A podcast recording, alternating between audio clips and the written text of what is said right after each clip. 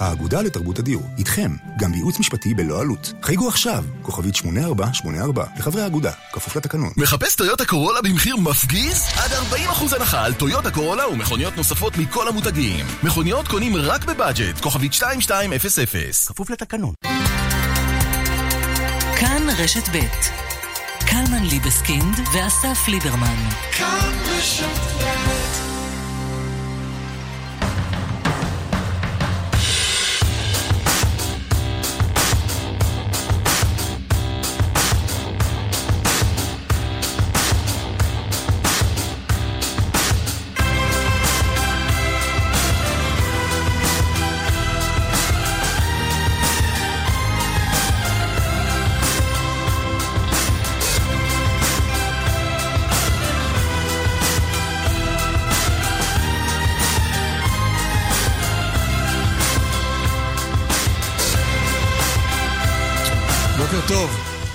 בוקר טוב. בוקר טוב לבחורינו המצוינים באזור השרון, ובפרט במושב אה, משמרת, שספגו הלילה עבור כולנו את הטיל הזה שפגע פגיעה ישירה בבית.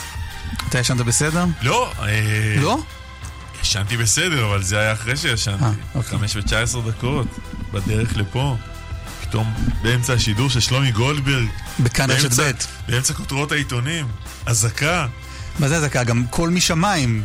נכון, זה, זה מלווה בקריינות של פיקוד העורף. כן, כן, זה לא פה מהאולפן, גם uh, דיברתי עם הרבה חברים אחרי זה, לא ידעו מאיפה זה בא, מישהו חשב שלחצו כאן על איזה כפתור או משהו כזה, כן, אזעקה. אזעקה בכפר סבא. ואז הודעה, uh, תושבי כפר סבא, להיכנס למרחבים המוגנים. מה? כפר סבא. כפר סבא? שמעתי טוב? כפר סבא? אז כן, אנחנו במשדר מיוחד הבוקר בעקבות הפגיעה הישירה של טיל שנורה מעזה בבית במושב משמרת שבאזור השרון. הבית קרס, אישה אחת בת 60 נפצעה בינוני, זוג הורים בני 30 נפצעו קל עד בינוני, עוד ארבעה ילדים נפצעו קל. מיד אורלי אלקלעי תדווח מזירת הנפילה במושב משמרת, נדבר גם uh, עם מי שהיה אלוף פיקוד הדרום, מספר 2 במפלגת העבודה, ברשימת עבודה לכנסת, האלוף במילואים טל רוסו. השר צחי הנגבי, איש הליכוד, ידבר איתנו מוושינגטון, בין היתר על קיצור ביקורו של ראש הממשלה שם. יהיו איתנו גם הפרשנים הצבאיים, עמוס הראל ורועי שרון. שני תושבים צעירים ממושב משמרת ידברו איתנו הבוקר על ההפתעה המוחלטת ועל האזעקה שלא נשמעה שם. וגם על מה שקרה הלילה בחלק ציעות. סוהר נדקר שם על ידי אסירי חמאס ונפצע בינוני, 11 אסירים פונו לבית החולים. דובר שירות בתי הסוהר ידבר איתנו. אנחנו כאן עד עשר. ברדיו, ברשת ב', אפשר לצייץ אלינו בטוויטר, אשתא קלמן ליברמן, אם אתם רוצים לשתף אותנו, אה, מחשבותיכם, הגיגיכם ותחושותיכם הבוקר. העורך הוא משה מרסדורף, המפיקים נדב רוזנצוויג ואלי יגנה, על הביצוע הטכני קובי בז'יק, על הדיגיטל אני לוי, גם רחלי לוי איתנו בצוות ההפקה. ואורלי אלקלעי כתבתנו נמצאת במושב משמרת, שלום אורלי. שלום חברים, בוקר טוב. כן, כאן ממש מעבר אה, אה, לכביש, בפינת הרחוב, אה, אה, היכן ש... בפינת הבית שנפגע מהפגיעה הישירה של הטיל הבוקר, אה, סמוך לשעה חמש ועשרים. החבלנים עכשיו נמצאים בתוך הבית וסורקים אותו. פינה-פינה, אה, בכל, בכל מקום בחצר, אה, יש כאן הרס מוחלט של הבית, עושים כל ממצא שהם יכולים אה, להשיג בידם, כל משהו שנראה כמו חלק מאותו טיל, ממש עבודה סיזיפית, ולא רק בתוך הבית, מתמקדים בבית, אבל גם בבתים הסמוכים, אנחנו רואים את אנשי כוחות הביטחון, את המשטרה נכנסים, מתעדים, מצלמים, כל נזק שנגרם, ונגרם כאן נזק גדול ברדיוס רחב מאוד. של הבתים, אנחנו ראינו חלונות של ממ"ד שהתנפצו, אה, זגוגיות, אה, מכוניות שנפגעו כתוצאה... ספרי לנו, אורלי, על המשפחה. מי היה בבית בזמן הפגיעה הזו ומה מצבו? מי שהיה בבית הם ההורים ושלושת ילדיהם. שהיו בבית. אנחנו מנסים, מדובר בבית ישן שבני המשפחה רכשו כאן ועברו להתגורר כאן. אנחנו מבינים שככל הנראה, וכך זה נראה גם, על הבית הזה אין ממ"ד. הם שמעו את האזעקה, יכול להיות שהם הצטופפו באחד החדרים, ולמרבה המזל, ואני באמת אומרת לכם, למרבה המזל, ראיתם את התמונות, ראיתם את התיעוד מתוך הבית, אנשים נפצעו באורח קל. וזה באמת, אנחנו מדברים על ילדים קטנים, על, ילד, על פעוטות אה, נפצעו באורח קל כתוצאה מהעדף, מהפגיעה. אה, בעלי חיים כאן, שבשכונה, ברחוב הזה, לא שרדו את העדף, ואנשים פשוט יצאו מתוך הבית. גם המשטרה עדיין מנסה להבין, והם כנראה גובים משם עדות בבית החולים אה, מאיר בכפר סבא, לשם הם פונו, מנסה להבין מהיכן הם יצאו, היכן הם התרכזו, כי הבית פשוט, הסלון, החלל הציבורי ספג פגיעה ישירה. יש חדרים שאנחנו רואים שהם עדיין נותרו פחות או יותר שלמים אה, מהפגיעה, ייתכן מאוד שהם כולם, הם היו בחדרי השינה מן הסתם, והם הצטופפו בצד הדרומי של הבית. ולכן שם לא הייתה הפגיעה, הפגיעה הייתה בצד הצפוני, בחלק הצפוני של הבית, פגיעה ישירה, וייתכן מאוד שזה באמת מה שהציל אותם. אה, אולי הבנייה הישנה של הבית, למרות שאין בו ממ"ד, אה, וזוג ההורים ושלושת הילדים נפגעו, אה, כפי שציינו, פצעים קלים, אישה אחת אה, נפגעה... אז הנה, אורלי, אנחנו אה, נעבור באמת כדי לשמוע אה, מה המצב שלהם. אורלי, תודה רבה בשלב הזה. אה, רום ליאור, בבית החולים מאיר, שלום. שלום, בוקר טוב. מה מצב אה, הפצועים? אז קודם כל, בבית החולים אה, מאיר, נכון לשעה זו, אה, שבעה פצועים, אה, אישה כבת 60 שמצבה מוגדר בינוני, היא הפצועה הקשה ביותר מהאירוע הזה, וגם מצבה כרגע מוגדר בינוני, בהכרה מלאה. מצבה בסך הכל טוב, אבל היא סובלת מפגיעות רסיסים בעיקר, שעוד דורשות המשך ברור וטיפול. חוץ ממנה, עוד uh, אותם uh, בני uh, משפחה, בהם גם שלושה פעוטות, פעוטה בת חצי שנה, פעוטה בת שלוש ועוד ילדה בת uh, 12. כל שלושת הילדים סובלים באמת מפציעות קלות מאוד, בעיקר חתכים, בעיקר חבלות, אבל... אתה מבין, רוב את יחסי הקרבה, רק האישה בת 60 הפצועה בינוני, היא... מה, היא אימא של, של אחד מההורים? לא, האם נמצאת כרגע לצד הילדים במיון אה, ילדים, גם היא נפצעה, אותה אישה בת 60 שנפצעה בינוני, גם היא ככל הנראה קרובת משפחה. מה בדיוק הקשר ביניהם, אני עוד okay. לא יודע אוקיי. להגיד לך בשלב הזה, אבל שוב, חשוב לבוא ו- ולומר שמצב הפצועים בסך הכל טוב. שלושת הילדים שמטופלים נכון לשעה זו במיון ילדים, גם הם בהכרה מלאה, וגם מנהל מיון הילדים, דוקטור אהוד רוזנבורג, מספר לנו כאן שמלבד אה, ההלם המאוד מאוד גדול באירוע כזה, מצבם הפיזי טוב, וסביר מאוד להניח גם שבהמשך היום הם כבר יוכלו להשתחרר מטיפול בבית החולים. אוקיי, אמ, אה, אין, אין סכנת חיים, נכון? מלכתחילה זה היה ברור ש, שאף אחד כאן לא בסכנת חיים מבין כל הפצועים שהועברו. נכון מאוד, אין סכנת חיים. גם מצבה של אה, אותה אישה כבת 60, אה, שמצבה מוגדר בינוני, בסך הכל טוב, והיא בהכרה מלאה, בני המשפחה שלה נמצאים לצידה. היא כן עוד עוברת כל מיני תהליכי הדמיה ובירורים רפואיים. בשלב הזה יכול להיות שהיא תצטרך ניתוח, הדבר הזה עוד נמצא בבדיקה. אבל גם היא בסך הכל מצבה טוב, וסכנת חיים אין נכון לעכשיו ביחס. לאף אחד מהחיים. אוקיי, רום ליאור, תודה רבה לך. תודה. רועי שרון, כתבנו הצבאי, שלום. רועי שרון? לא איתנו. אמ, אז אה, אנחנו מדברים, רועי שרון איתנו. כן. רועי. מה אומרים אה, בצה"ל? עוד לא אומרים שום דבר. אה, הדיווח האחרון שהגיע מצה"ל זה על אזעקה שנשמעה בשרון. ואז על הפגיעה הישירה אה, של הרקטה, ושהרקטה הגיעה מעזה, זה אומר, אה, מה זה מעזה? זה אומר או ג'יהאד איסלאמי או חמאס, אה, רקטות בטווחים כאלה של 100 קילומטר ומעלה, זה רק שני הארגונים האלה. מחזיקים. עכשיו השאלה, אתם בטח כולנו שואלים את עצמנו מתי נראה תגובה ואיזה אופי של תגובה. אה, מכך שבעוטף עזה אין הנחיות אה, מיוחדות לתושבים, אה, הלימודים מתקיימים כרגיל, אז פחות סביר, נגיד את זה בזהירות, שנראה תקיפה בעזה בשעות הקרובות. תקיפה באור יום, זה אומר שאחרי זה יש צבע אדום ושיגורים ורקטות על העוטף. וזה אומר שכן היו נערכים לכך עם ביטול לימודים. כרגע אין הנחיות כאלה, אז אפשר להניח שהתגובה תחכה כמה שעות, אולי יהיה קצת יותר, עד שראש הממשלה נתניהו יחזור, או שתהיה תגובה מדודה לפני שהוא יחזור, אבל ברור שתהיה תגובה. מחדש. ברור שתהיה תגובה, ראינו את התגובה לרקטה שהייתה לעבר גוש דן לפני שבוע וחצי, חיכו כמה שעות, אישרו את המטרות בתוך רצועת עזה, 100 מטרות. אה, תגובה שאפשר לקרוא לה תגובה חריפה, הכל יחסי, חריפה ביחס לעמדות חמאס שבדרך כלל מותקפות על קו הגבול, אבל ביחס.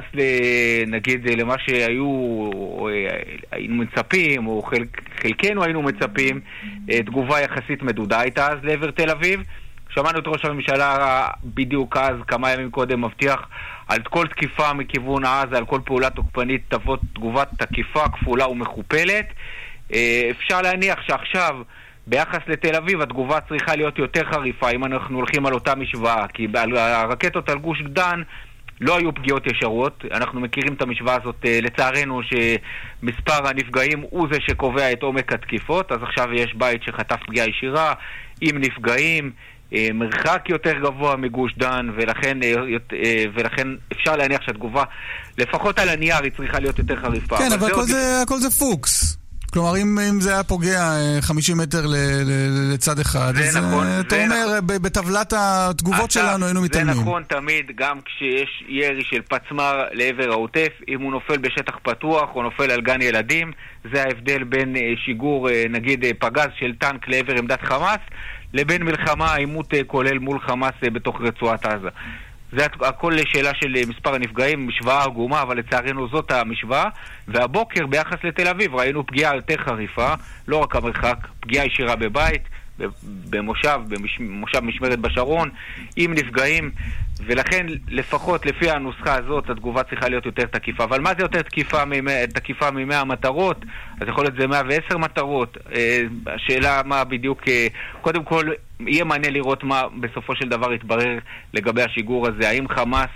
החליט לשבור כאן את הכלים בתגובה לא פרופורציונלית על האירועים שראינו אתמול בכלא קציעות, האם ג'יהאד איסלאמי, אה, מה יגידו המצרים, כל זה אני מאמין האופציה שנמצאת כל הזמן מרחפת שם בחלל האוויר זה טעות. אה, נכון, ראינו באוקטובר את הרקטה לעבר אה, באר שבע, בחודש אוקטובר 18, שהופעלה, לפחות לפי הדיווחים, מסערת ברקים. גם הלילה הייתה סערת ברקים שם באזור הדרום. וראינו גם לפני שבוע וחצי את הרקטה, הרקטות ששוגרו לעבר גוש דן. חמאס ביצע את השיגור הזה. אבל שיגור שלפחות ככה בישראל, וגם המצרים וגם החמאס, כולם ביחד, אם כולם ביחד מסכימים שמדובר בטעות, אז, אז מדובר uh, בטעות. Uh, בטעות אנוש של uh, טכנאי רקטות או משהו כזה שם, שהפעיל בטעות את הרקטה. ולכן עכשיו אנחנו עדיין לא יודעים, עדיין אין לנו את הכלים, לא דיווחים של גורמים רשמיים בישראל ולא דיווחים שמגיעים מעזה, לדעת מה גרם לשיגור המאוד חריג, מאוד מפתיע. ישראל הופתעה, כוחות הביטחון הופתעו, לא הייתה שום התראה, בגלל זה גם לא הייתה כיפת ברזל. אירוע שמגיע אה, בהפתעה גם, אה, גם ברצועת עזה, לפי הדיווחים שאנחנו אה, קולטים משם, וגם כאן בישראל. רועי שרון, כתבנו הצבאי, תודה רבה. תודה. אלוף במילואים טל רוסו, איש מפלגת העבודה, לשעבר אלוף פיקוד הדרום, שלום. שלום וברכה. מחשבותיך? רבותיי, הפרות האלה, מתעוררים, אה, אתה יודע, אנחנו מתעוררים רק כשזה למרכז, יש איזה ירי, זה קורה יום-יום בכל העוטף, אה, אבל זה, זה התוצאה של אין מדיניות. זה התוצאה של המדיניות? איזה מדיניות אתה היית אין, רוצה? של, של אין, אין מדיניות. מדיניות. בוא, תן לנו, תאר לנו איך נראית אה, תוצאה של יש מדיניות. תראה, מול החמאס אתה צריך להילחם בכל, ה, בכל הכלים, כל הזמן, כאילו שאין מחר. אבל הסיר לחץ הזה שנקרא עזה, מי שלא מבין את זה, זה תמיד יתפרץ אלינו. ואם אתה לא תפריד את האוכלוסייה ותוציא אותה מסף הייאוש, זה תמיד יתפרץ אליך. גם אם התקוות שעלו בשבוע שעבר... הלו, במילים רוסו? אה, שומעים. אנחנו איתך כל הזמן. אנחנו שומעים מצוין. אתם איתי, מאה אחוז. כן, אני איתכם. אני, אני, מבין אבל, אני מבין אבל מהדבר שלך שאתה כבר יודע מה סיבת הירי, אתה יודע בוודאות שלא מדובר בתקלה, בעוד איזה סופת ברקים, ואתה מבין מה היה הגורם לירי. זה לא שייך. אני אומר, בסוף, בסוף יפנו את כל הלחץ שבתוך הרצועה. עכשיו אנחנו ממשיכים את ה, בעצם המדיניות שאין מדיניות, אז הלחץ שם ברצועה הוא תמיד יופנה. בשבוע שעבר חשבו ש... אה, סליחה, אני עוצר רגע. יש סביבך... מה אתה עושה? אני מדבר איתו ואני משוחח איתו. אתה מדבר לא ערוץ 13, אתה מדבר קו אחר. טוב, רק נגיד, אנחנו בשידור חי, בכאן רשת ב', משוחחים, משוחחים לסירוגין עם אה, אלוף במילואים טל רוסו, לשעבר אה, אלוף פיקוד הדרום, אה, מספר 2 ברשימת מפלגת העבודה לכנסת. מר רוסו, אתה איתנו? לא. הוא אמר, אני עוצר כאן, והוא אכן... עצר כאן. נורית יוחנני, כתבתנו לפלסטינים, שלום נורית. שלום, בוקר טוב. עוד מעט נקבל את הדיווח רק מוושינגטון, נגיד. נתניהו, ראש הממשלה, מקצר את ביקורו בוושינגטון, ויש השלכות ללוז גם לאויבינו מעבר לגבול. נכון, צריך להבין שכרגע בעזה אין איזושהי קבלת אחריות או איזושהי התייחסות מעבר לדיווחים טקטיים שקיבלנו על פינוי של עמדות, פינוי של מרבית מסעות הממשלה של חמאס, זו תגובה שאין לה קשר לאיזושהי קבלת אחריות על רקטות, אבל היא מבינה שיש פה איזשהו מסלול של יכול להיות הסדרה וייתכן גם תקיפה, תקיפות בעזה, ולכן כל המפקדות האלה מפונות מחשש פשוט שיפגעו באנשים. חוץ מזה צריך להגיד שאנחנו מקבלים דיווחים שהמשלחת המצרית, ששוב מוצאת את עצמה בפעם השנייה בתוך שבוע באמצע ניסיונות הסדרה שהופכים לירי רקטות, המשלחת המצרית ששוהה כרגע, כך לפי דיווחים פלסטינים כמובן, בישראל והייתה אמורה להגיע לעזה הבוקר. שוב מוצאת עצמה בעצם בעיר רקטות ומנסה להתחיל שיחות עם כל הצדדים, עם עזה, עם ישראל, כדי לנסות להכיל את ההסלמה הזו. חשוב להגיד, ברקע הימים האחרונים, לצד ההסלמה בעזה, התגברות הבלונים וההפגנות הליליות שמתארחות וכולי, בשעות האחרונות, ממש כחמש שעות לפני אותן רקטות, גם היה אירוע חריג בכלא קציעות שגרר גינויים מאוד חריפים מצד הפלסטינים גם באמצע הלילה, כך שזה גם יכול להיות איזשהו טריגר, עניין האסירים הפלסטינים. כן, הפלסטינים גינו את התגובה שלנו, לא את, ה... את הדקירה. בוודאי, כן. זאת אומרת, הגינוי שם היה על זה שבעצם הדקירה גררה כמובן עימות, וזה יוביל לכמה פצועים, לאסירים פצועים, ובעצם גינוי של, ה... של התוצאות של המעשה הזה. אבל נורית, לעניין הירי עצמו על השרון, שום, שום התייחסות משמעותית? כרגע לא מתייחסים אה, לירי רקטי הזה, כאמור, מלבד איזשהו אה, אה, צעד טקטי. אה, זה מזכיר את מה שראינו גם בשבוע שעבר, שהייתה שתיקה די ארוכה אה, של הגורמים הרשמיים, וגם כשיצאה איזושהי תגובה, כמו, כאמור זה הסתיים בסוף באיזשהו הסבר של טעות, או מישהו מדרג נמוך. אה, לא מדובר פה על איזושהי קבלת אחריות. אה, נזכיר עוד משהו מעניין, אה, מנהיג חמאס בעזה, יחיא סינואר, היה צפוי אה, לשאת נאום בשתיים וחצי היום. בעזה, היה אמור להתייחס למצב, להסלמה או להסדרה, והוא ביטל את הנאום הזה. יכול להיות שזה עוד איזושהי אינדיקציה שאומרת שגם הוא לא בהכרח תכנן את הירי הזה, זאת אומרת, יכול להיות שביצע, אבל לא, לא תכנן לאורך זמן אה, אה, מראש, אה, ו- וזה גם יכול להיות איזשהו משהו שמעיד על מי ירה, וכאמור, כרגע אין עוד איזושהי תגובה רשמית מעזה. נורית יוחנן, כתבתנו לענייני פלסטינים, תודה.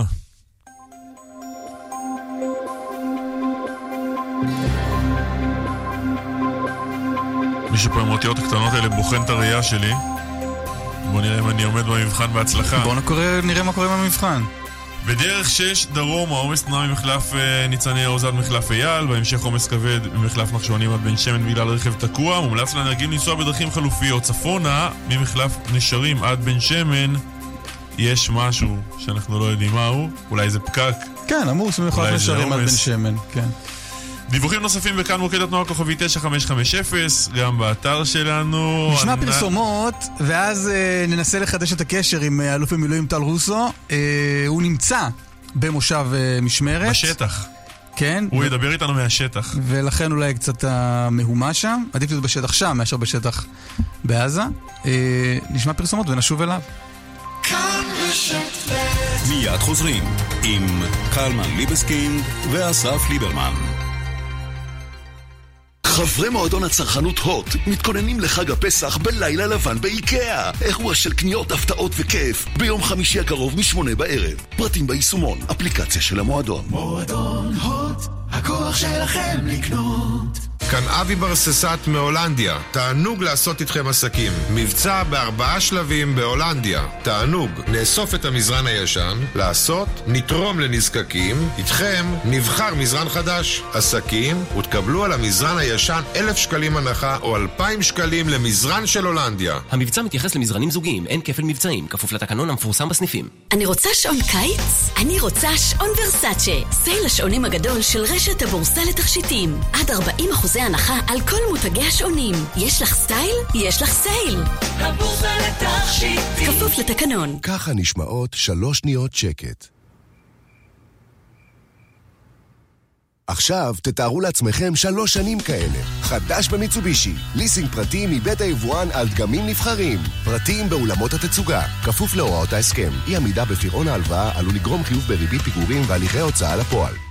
התחלנו! פסח שמח במחסני תאורה! נברשת שנייה בשקל! שמעתם נכון, נברשת שנייה שבמבצע בשקל בלבד, כולל קולקציית האביב על מאות נברשות ומנורות תלייה. מהרו ואל תפסחו! מחסני תאורה, כפוף לתקנון. אוי, אל תתני לרצפת הגן חלשה לעצור התקפת צחוק. נסי את Always Discreet לבריחת שתן. לקבלת אריזת התנסות מתנה, חגי כוכבית 8286. Always Discreet, לבריחת שתן, עד גמר המלאי. איזה פינק? פינק בראשית, התפוח הישראלי! פינק בראשית, תפוחים מטופחים, מפסקות גליל גולן. חשוב שתדעו, הביטוח הלאומי ממליץ להחמיר את התנאים לקביעת אחוזי נכות במגוון מחלות. אל תחכו להחמרת התנאים. הגישו בקשה עוד היום. התקשרו כוכבית 2468. חברת לבנת פורה. השירות אינו משפטי. שירביט שלום. היי, אה, זה שוב חנוך דאום. כן, חנוך, איך אפשר לעזור? כן, תגידי, בעניין החודשיים מתנה בביטוח הרכב, יש סיכוי להשאיר את זה בינינו? פשוט לאשתי יש יום הולדת, רציתי להפתיע. לא, זה מבצע לכל המצטרפים. חוץ מזה, זה ברדיו. אז תניחי. עכשיו בשירביט, חודשיים מתנה בביטוח המקיף לרכב. חודשיים מתנה. כוכבית 2003, שירביט. כפוף לתנאי המבצע. הנוסעת, אופרה רבת עוצמה מאת ויינברג על סיפורן המצמרר של האסירות באושוויץ. אירוע בימתי נדיר בבימויו של דיוויד פאונטני. הנוסעת, מ-30 באפריל ועד 6 במאי לקראת יום השואה. לכרטיסים התקשרו לאופרה הישראלית. טיפ מהיר שכדאי להכיר. כשקונים מכשיר חשמלי, חשוב לבחור במכשיר שדירוג האנרגיה שלו קרוב ככל האפשר ל-A, משום שהוא יעיל וחסכוני יותר. איתכם בכל רגע, חברת החשמל. כאן רשת ב' חזר אלינו טל רוסו, מפלגת העבודה, אלוף פיקוד הדרום לשעבר, שלום. שלום וברכה. או, נקווה שעכשיו uh, זה יהיה יותר טוב ורגוע. Uh, התחלת להסביר uh, למה אין מדיניות ומי... לא, לא, אני לא יודע להסביר למה אין מדיניות, אבל uh, זה התוצאה בפועל של אין מדיניות. Uh, עכשיו, זה לא ביום אחד עושים. אני אומר, יש פה, כן, יהיה פה צורך לשנות את משוואת התגובה, אבל מעבר לזה אתה צריך לעשות פה, לבנות איזשהו שחרור שסתומים מהסיר לחץ שנקרא עזה. ושחרור לחץ זה פשוט לעלות כאזרח מעל רמת הייאוש. במקביל ללחימה האינטנסיבית בחמאס ו- והעלאת דרגה בח- בלחימה הזאת. כלומר, הסיבה שבגללה ירו עלינו, יורים עלינו ואולי אה, ימשיכו לירות עלינו זה המצב ההומניטרי שם, מצב האזרחים שם, זו הסיבה? זה תורם, זה תורם, הם לא מחבבים אותנו באופן כללי, אבל זה תורם בהחלט. כי אנחנו, אה, השאלה אם אנחנו לא מחפשים תירוצים כל פעם. פעם זה היה כי ישבנו בגוש קטיף אז הם ירו, אחר כך כאילו לא, בנינו לא, להם זה- נמל, אחרי. זה אזורי הדייג, וכל פעם זה משהו אחר. תראה, זה אויב. הוא אה, לא, לא רוצה, הוא רוצה להציק לך ורוצה אה, לעשות הכל, אבל שיש לו גם את הנושא הזה, את הרוח הגבית כביכול, של האזרח המיואש, אז אה, יותר נוח לו.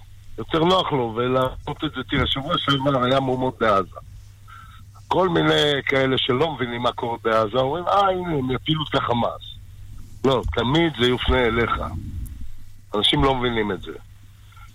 עכשיו, פה, באירוע הזה, אני אומר, זה לא... תראה, האירוע הזה הוא רק מעורר את אה, מדינת ישראל, אה, גם הירי על תל אביב וגם על זה, ומה שקורה יום-יום בעוטף. תראה, יום-יום בעוטף, אנשים לא ישנים.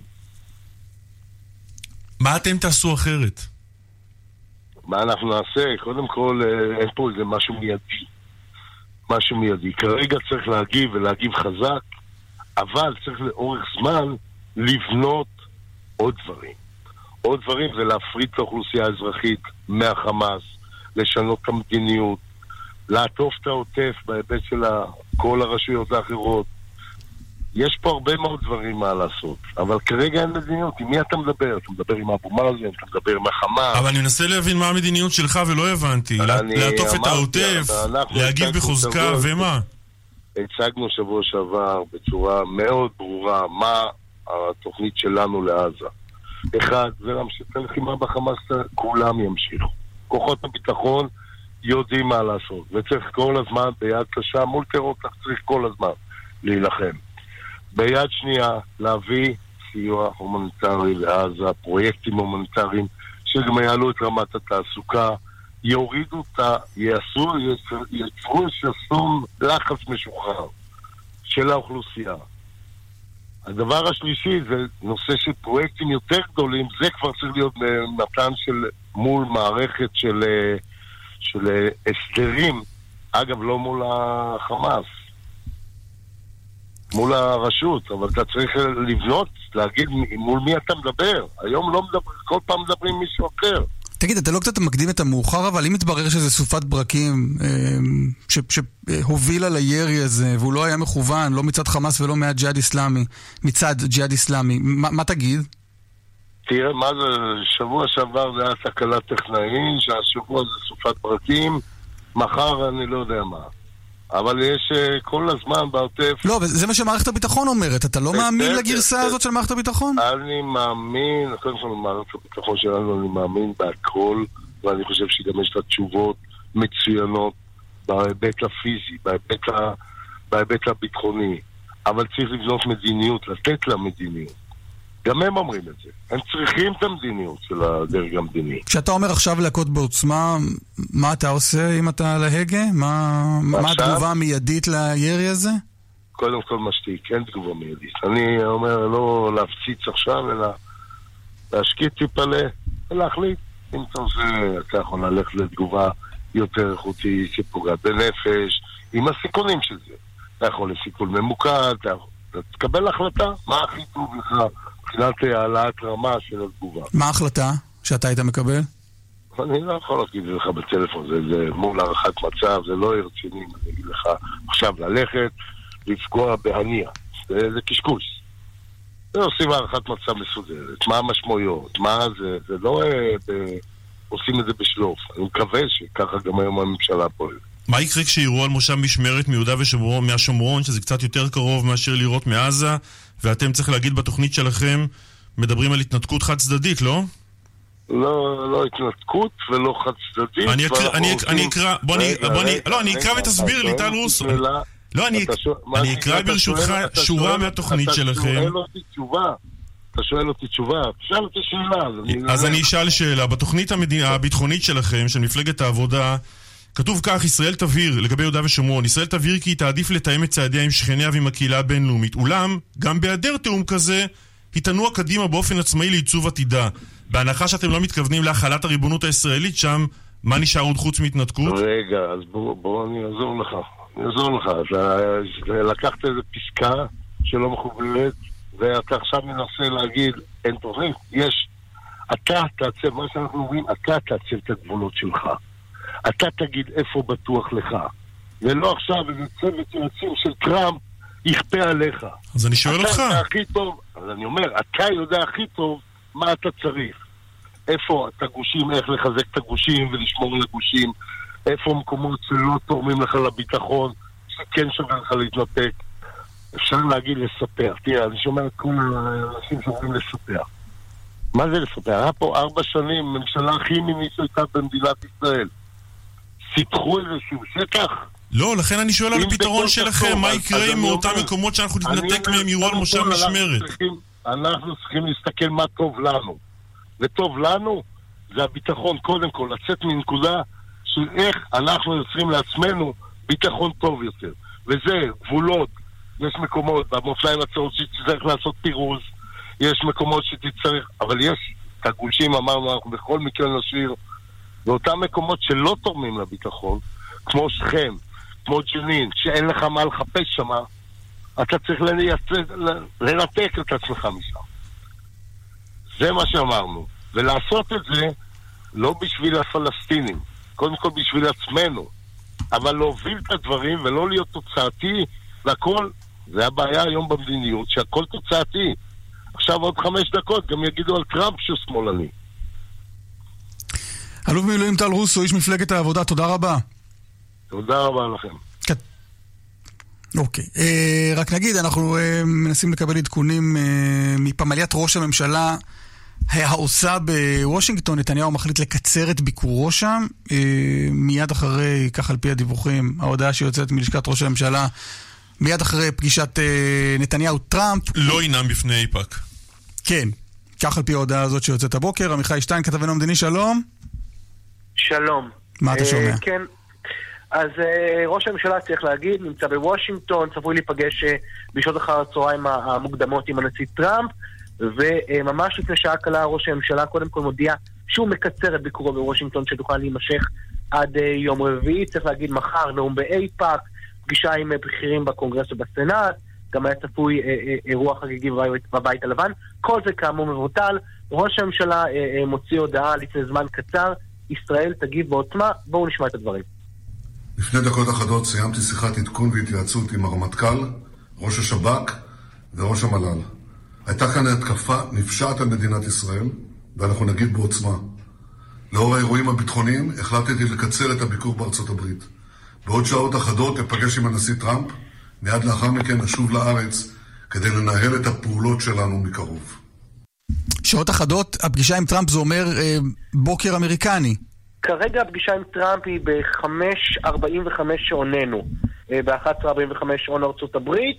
כלומר, בשעות הערב בארצות הברית, צפוי ראש הממשלה, בישראל, סליחה, צפוי ראש הממשלה להתחיל את המסע חזרה לארץ. יגיע לפה מחר לא- בבוקר. הוא לא יגיע לפה לפני אה, מחר אה, בבוקר. אה, אה, הוא כל הזמן, מה שנקרא, מקיים התייעצויות ביטחוניות, עם, אה, אה, גם טלפוניות, גם אם מישהו נמצא שם בסופו של דבר, נמצא בקשר, אבל צריך להגיד שוב, לפני שבוע וחצי, שהיה את אותם אה, שני טילים על אה, גוש דן בסופו של דבר, לא שמענו מראש הממשלה אה, אה, זמן רב, רק אני חושב עד ישיבת הממשלה בעצם, אה, אמירה שלו סביב אותה התרחשות, סביב אותה טעות, סביב אותו אירוע. פה אנחנו מקבלים סרטון די מהיר, כבר שעה אחרי אה, בעצם ירי הטיל והפגיעה, כלומר תגובה מאוד מאוד מהירה מהבחינה הזאת של ראש הממשלה. כנראה זאת, גם תגובה, הסיבה, מ- אה, תגובה, תגובה מילולית. תגובה תגובה התקפית. לירי לעבר אה, השרון. טרם הגיע. נכון. אה, וצריך להגיד ששוב, הסיבה כמובן לביטול הנאום עם איפא"ק, כנראה זה מה שנקרא לא ייראה טוב ציבורית. גם אז, לפני שבוע וחצי, ראש הממשלה חטף לא מעט ביקורת על ההגדרת טעות, על כל ההגדרות סביב זה. ראש הממשלה, מה שנקרא, נמצא במערכת בחירות, לא, לא שכחנו מה שנקרא, ומהבחינה הזאת, גם כל תגובה וכל מה שנקרא התנהלות סביב זה, סביר להניח שיהיה לזה השלכות פוליטיות במהלך הקמפיין גם. עמיחי שטיין, כתבנו המדיני, תודה. תודה. אנחנו עכשיו אה, למושב משמרת. עידו ווגרה, שלום. כן, שלום. בוקר טוב, מה שלומך? בוקר אור, אה, שלומי בסדר, סך הכל. התעוררתם מוקדם הבוקר. מאוד מוקדם. מה? ספר לנו איך זה נשמע. אז קודם כל לא התעוררנו לאזעקה, התעוררנו לבום. זה מה שחשוב להגיד. את האזעקה, הרבה מהאנשים במושב לא שמעו. כאילו, שזה כבר באמת עניין רציני, לא, לא בסדר בשום צורה. אה, אז אני בעצם אה, שמעתי את הבום, הבנו שמשהו קורה, רעדו חלונות, לחלק אה, נשברו גם חלונות, וישר באמת רצתי, אחרי אף לא שמתי נעליים אפילו, לזירת האירוע שהייתה באמת קר- קרובה אליי כמה בתים.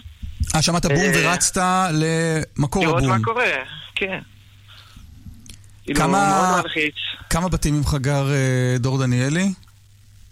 דור דניאלי גר קרוב, זה לא היה אצלו בבית, דור דניאלי. בוא, בוא נשמע איך אה, הוא חווה את הדברים. דור שלום. שלום וברכה. אתה שמעת אזעקה או בום? אה, אני התעוררתי ישר לבום, גם, כמו הרבה אנשים פה. הבנתם במה מדובר? יש להניח ש... שבהתחלה הדבר האחרון שחשבתם שזה אה, טיל שמגיע מעזה, נכון? כן, משמעית. מה חשבתם? אה, משהו שאתה לא מצפה לו גם. אה, בא משום מקום, פשוט כולם אה, בבית שלי לפחות התעוררו מהבום והרבה בתים ליד. לקח קצת זמן להבין מה קורה באמת, למרות שלפי העוצמה, ההדף, הבתים קצת רעדו, אז אתה מבין שכנראה מדובר באיזה רקטה שנפלה, שזה דבר הזוי לגמרי. עידו, היית בטווח הטילים באיזשהו שלב? סליחה, סליחה? לפני האירוע הזה, היית בטווח הטילים? אה, יצא לי לשמוע בעברי אזעקה אחת בעצם, זה הכל. לא, מעבר לזה לא. במושב? כן, במושב, לפני בצוק איתן. מה, מה עובר בראש כשאתה מגיע למקור הרעש? משוגע. כאילו, לא, לא נורמלי, לא, לא ציפיתי, לא חשבתי שדבר כזה פה במושב שלי, מקום הכי בטוח בעולם בערך. לא נורמלי. באמת לא נורמלי. תארו לנו איך, איך נראה המקום שנפגע. המקום הרוס, בגדול. הרוס. ממש, כאילו, מוחרב. דור, אתה, הולכים לפרק את זה, וזה מה ששמעתי. דור, אתה מכיר את המשפחה? כן. מה אתה יכול לספר עליהם? אמ, אני לא מכיר את כולם אה, טוב יותר מדי, אבל אני מכיר את המשפחה, בעיקר את האבא, משפחה מאוד אה, חמה, חברותיים, אה, כל מי שגר באזור מכיר אותם. זה גם אנשים לקחו את זה קשה, כי אנשים יודעים מי הם, בכלל במושב כולם מכירים את כולם כאן, אז זה נהיה... זה גם תופס פן מאוד אישי כאן. אתם שניכם לפני גיוס? לא, אני אחרי צבא. אני מתגייס מחר. וואלה, מחר. כן. מזל טוב. לאן? תודה רבה. מחר מתגייס להנדסה קרבית. אה, יפה, שיהיה בהצלחה. וואלה, תודה. טוב, חברים, אה, שיהיה שקט. תודה שדיברתם איתנו. תודה. בכיף. טוב.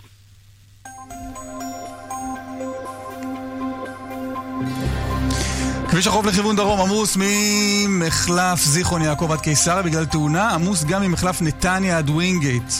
עוד דיווחים, כאן מוקד התנועה, כוכבית 9550 ובאתר שלנו. אחרי הפרסומות, אה, אנחנו נמשיך את התוכנית. כאן רשת ב' מיד חוזרים עם קלמן ליבסקינד ואסף ליברמן. עכשיו, בכלל ביטוח ופיננסים, עד 30% הנחה על הביטוח לרכב. רוצים לחסוך? הצטרפו עכשיו. כוכבית 2666, או פנו לסוכן הביטוח. כפוף לתקנון. קבלו מבצע פסח חם מהתנור. קונים תנור בנוי של AEG ומקבלים כיריים גז של AEG שבמבצע ב-690 שקלים בלבד. AEG, כפוף לתקנון. אני לא מאמין, אחי, אני לא מאמין, זכיתי! די, נו, כמה? 40 אלף, הפסדתי על הרכב רק 40 אלף שקלים! יואו, כמעט כמו בן אחותי, הוא הפסיד רק 42 אלף. גדול! במקום לחשב כמה הפסדתם על הרכב הישן, הגיע הזמן שתקנו ותרוויחו. בואו לאופרייט, הילדים הטובים של עולם הרכב, ותוכלו ליהנות ממגוון רכבי יד ראשונה בעסקת טרייד-אין המרה משתלמת ומתנאי מימון נוחים. חייגו כוכבית 3130.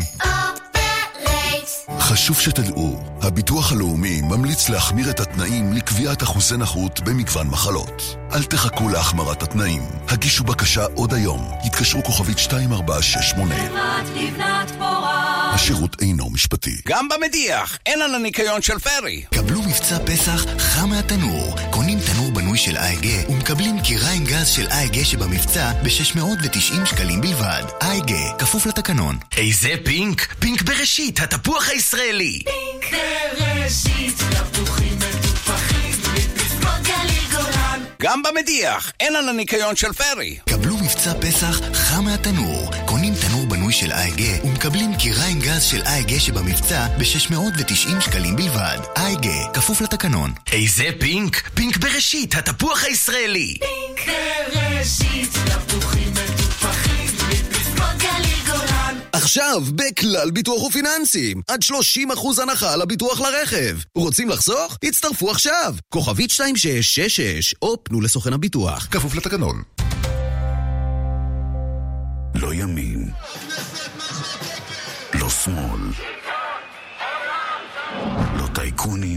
ולא פוליטיקאים. אנחנו לא משרתים אף צד, רק את האמת. שלום, כאן דוריה למפל. בכל ערב אנחנו כאן, במהדורה העצמאית, המאוזנת והמגוונת בישראל. חדשות הערב, בכל ערב בשתי דקות לשמונה, בערוץ כאן 11, כאן רשת ב' וכאן חדשות בדיגיטל. כאן רשת ב' טוב, הפוגה מהאירוע הזה במשמרת שבשרון, העיר הטיל שפגע בבית בשרון, אמ, לטובת האירועים אתמול בשירות בתי הסוהר, בכלא קציעות, שני סוהרים נדקרו בידי אסירי חמאס. אסף פוזיילוב כתבנו בדרום, שלום. שלום, בוקר טוב. מה קרה? כן. מטרור לטרור, אז uh, זה קרה אתמול בערב uh, בעקבות מתיחות נמשכת כבר כמה שבועות uh, באגפים הביטחוניים בכלא קציעות. Uh, שירות בתי הסוהר מנסה להגביל את הקליטה הסלולרית של, uh, של האסירים, שלא יוכלו לתקשר ביניהם במכשירי טלפון מוברחים. זה גורם בעיות ביטחוניות קשות מאוד, ובעקבות אותו פיילוט, אותו ניסיון, היו כבר התראות על פגיעה בסוהרים. פרסמנו את זה לראשונה לפני כמה שבועות. אה, היה גם אה, ניסיון בשבוע שעבר להצית אה, תאים, ניסיון שלא צלח, ואתמול האיום הזה, אותה הערכה קשה מתממשת, ניסיון רצח, אפשר לקרוא לזה בהחלט, של שני סוהרים, של שני קציני שב"ס, אחד מהם רב קלעי מנהל משמרת והוא נדקר ונפצע בינוני. השניים נדקרים בידי אסירים ביטחוניים, מחבלי חמאס, בעזרת דוקרנים מאולתרים שהם הכינו, כשהסוהרים מעבירים אותם מאגף אחד לאגף שני ומנצלים את ההזדמנות, אה, מיד כל האגפים האלה נסגרו, הוזרמו כוחות מאוד מאוד גדולים, גם ככה הייתה כוננות גדולה בשבועות האחרונים בגלל אה, אותן התראות בתוך אה, כלא קציעות. הקצין פונה אה, ראשון במסוק אה, לבית החולים סורוקה. הייתי שם אתמול בלילה, קצת אחרי השעה 11 המסוק נחת. המצב שלו בינוני, יציב, הוא גם היה בהכרה כשהוא נחת. ותחת גשם שוטף נחתו אחר כך עוד שני מסוקים, בהם היו אותם אסירים ביטחוניים, אסירי חמאס הפלסטינים, שגם הם אה, קיבלו טיפול, גם אותם הבהילו לתוך, אה, לתוך הטיפול הנמרץ. אה, ועדכון מהבוקר, מצבו של אותו קצין עדיין מוגדר בינוני, עכשיו הוא מאושפז כבר במחלקה, מחלקת אף אוזן גרון. בוא, בוא תסביר רגע משהו, אסף, כמה אסירי חמאס היו מעורבים בדקירה הזו? כמה אנשים דקרו? האנשים שדקרו, לפי מה שאנחנו יודעים, תחקיר ראשוני, היו שניים שדקרו. שניים שדקרו, ומה, בסכינים? דוקרן מאולתר. דוקרן מאולתר. כן. שמה. משהו שהם מכינים לעצמם בתוך הכלא? כן, אבל אני מניח שבהמשך יהיו יותר, יותר פרטים אחרי שהשב"ס, אחרי שהשב"ס יסיים את התחקיר שלו ויחליט שזה הזמן ושניתן למסור אותם. אסף פוזיילוב, כן, תודה רבה. כן, אז, אז כן, כן, אולי עוד, עוד, באמת עוד משפט, אנחנו באמת מדברים על טרור אה, כזה ב, באזור השרון וטרור אה, אה, כאן בבתי הכלא, אז גם בעוטף עזה בלילה אה, היה מאוד לא שקט. אה, הפלסטינים כבר הודיעו שהם ימשיכו בכל לילה אה, פיצוצים של מטענים רבים אה, על הגדר. אתמול זה נמשך עד עשר בלילה גם, להערכתי בגלל אה, אותו אירוע בכלא, גם בגלל אה, מזג האוויר אה, וגם בגלל מזג האוויר הסוער, אבל המתיחות היא לא רק בתוך בתי הכלא של החמאס, אלא אה, גם... אה, פיזית אה, מעבר לגבול. אוקיי. אסף פוזיילוב, אה, כתבנו בדרום, תודה רבה. תודה. אלי גבאי היה בעבר מפקד כלא גלבוע. שלום אלי. שלום, בוקר טוב. נוכח מה שקורה בשבועות האחרונים עם סיפור המיסוך על הסלולרי, היה ניתן להעריך שזו תקופה ש... איך נקרא לה? מועדת, נכון? כן, חד משמעית. אה, שב"ס נערך אה, בכוחות אה, גדולים, יחידות מיוחדות כבר היו שם עוד מלפני האירוע של שרפת המזרנים בכלא רמון. כן, האירוע הזה לצערי אירוע שצפו אותו. מי שנפגע באירוע הזה זה בעצם מפקד משמרת וקמב"ט שהם בזמנים של מתיחות, שהם מובילים בעצם את הפעילות בתוך הכלא והם ניצלו את זה במעבר uh, מאגף לאגף. Uh, אתה יודע, uh, אמרו ש... שאלתם מי מעורב, מי הסוהר, כמה אסירים מעורבים בסיפור הזה, אבל האסירים האלו הם רק קופים. אלה שליחים של ההנהגה של חמאס. אלה אסירים שנבחרו בקפידה לבצע את הפיגוע הזה. הם לא סתם אסירים שבאקראי התרכזו התעצבנו והוציאו אה, דוקרן ודקרו. כלומר, בכ... אלה- כלומר בכלא ממש כמו בשטח שמחוץ לכלא. חד משמעית. יש, זה יש יש- חוליה, יש מפקד ויש אנשים שנשלחים. לבצע. זה אותה- זה אותה היררכיה, אותה זירה, חמאס עזה. להזכירכם, מי שישב שם זה יחיא סינואר, מי שיושב שם כרגע אה, בכלא רמון ליד, אה, יושב שם... אה, אה, מוחמד ערמן שאחראי על הפיגוע של קפה מומנט, עבאס א-סייד אה, שאחראי על מלון פארק, כל, כל ההנהגה של חמאס יושבת שם וכן, הם בחרו בשני המחבלים האלו, בחרו בהם לבצע את המשימה תגיד, איך בשירות בתי הסוהר נוקטים אמצעי זהירות ברגעים של מגע פיזי, של, של יכולת לבצע פיגוע שכזה? אה, בסוף אלה לא אנשים שיושבים שם כי הם גנבו ארנק. כן, ש, ש, יש, יש את השגרה ויש את החירום. כרגע אה, שב"ס אה, אה, נמצא באיזושהי אה, רמה גבוהה של כוננות, ולכן כמו שאמרתי, מי שנפגע אלו הקצינים ולא אה, סוהרים רגילים, כי הם הובילו שם את, ה, אה, את הפעילות. אה, הם מתכוננים על ידי זה שהיחסי עוצמה בין האסירים לסוהרים הם יותר גבוהים. אה, עם אמצעים מיוחדים, כוחות בכוננות. אה, לראיה גם שנשרפו המזרנים, תוך דקות ספורות הכוח היה בכוננות וכיבה את כל את כל השרפות. אה, באירוע הזה לצערי אה, המחבלים אה, ניצלו את ההזדמנות שהם היו לקראת, אה, האגף התרוקן ורק הם נשארו יחד עם, ה, עם הקצינים והם ביצעו את מה שביצעו. תגיד, איך אה, הנהגת חמאס מעבירה מסרים לאסירים שבכלא? זה העניין, זה העניין. אה, שירות בתי הסוהר אה, התקין אמצעים מיוחדים שהם, אה, שהיו בפיילוט כרגע. אנחנו מבינים שהעסק הזה עובד, לשבש להם את ה... לשבש להם את, ה, את הקליטת טלפונים מול, מול ה... לא, אבל כיוון שהם מוחים על עצם זה שהם מיסחו את הטלפונים הסלולריים או את הקליטה, ואתה אומר בעקבות זה הגיע המסר הזה מהנהגת חמאס, איך זה קורה? איך, איך, איך מעבירים מסר יש, לתוך יש, הכלא? אלף, יש, אלף, יש אלף ואחד אה, אה, אמצעים אה, שלהם. האמצעי, האמצעי המוכר ושמשתמשים בו המון זה האשגרים, אלה הפתקים הקטנים שממש בגודל של, ח- של זית שהם יכולים להחדיר אותו לכל מקום ולהעביר אותו מכל מקום. להזכירכם, עורכי דין מבקרים אותם בבתי הסוהר, אה, חברי כנסת אה, מבקרים אותם בבתי הסוהר, משפחות שלהם אה, מבקרים אותם, הילדים שלהם. כלומר, אתה אומר אין דרך לנתק אותם ממה שקורה בחוץ? יש, יש דרך, אבל אה, אה, זה, זה מתנגש עם זכויות, אה, עם, עם זכויות האסירים. אנחנו, שירות בתי הסוהר פועל על פי אמנת ג'נבה. אה, ועל פי החוקים אה, של מדינה דמוקרטית, ויש פה התנגשות. אה, שב"ס יכול למנוע, אבל אה, יש פה התנגשות עם... אה, אה, יש פה התנגשות עם... אז מה, אז אוקיי, אני יכול לבוא לומר, אוקיי, חברי כנסת לא יבקרו יותר אסירים, או משפחה, לא יהיו יותר ביקורי משפחה. מעניין. אלי גבאי לשעבר מפקד כלא גלבוע, תודה רבה לך. תודה. פונים לוושינגטון, גילי כהן כתבתנו המדינית, שלום. בוקר טוב אה, חברים, לילה טוב מ- מאצלנו, כמעט שלוש בלילה פה, אבל אין ספק שהחדשות אה, אה, מגיעות אה, גם לכאן וגורמות אה, לנתניהו לבטל, לקצר את אה, ביטולו ולבטל כמה דברים שתכננו לו כאן בוושינגטון, בראשם הנאום שלו באיפא"ק. כן, הייתה התלבטות? אתם, אתם הכתבים יודעים אה, מה הוביל להחלטה מתי בדיוק לחתוך הביתה?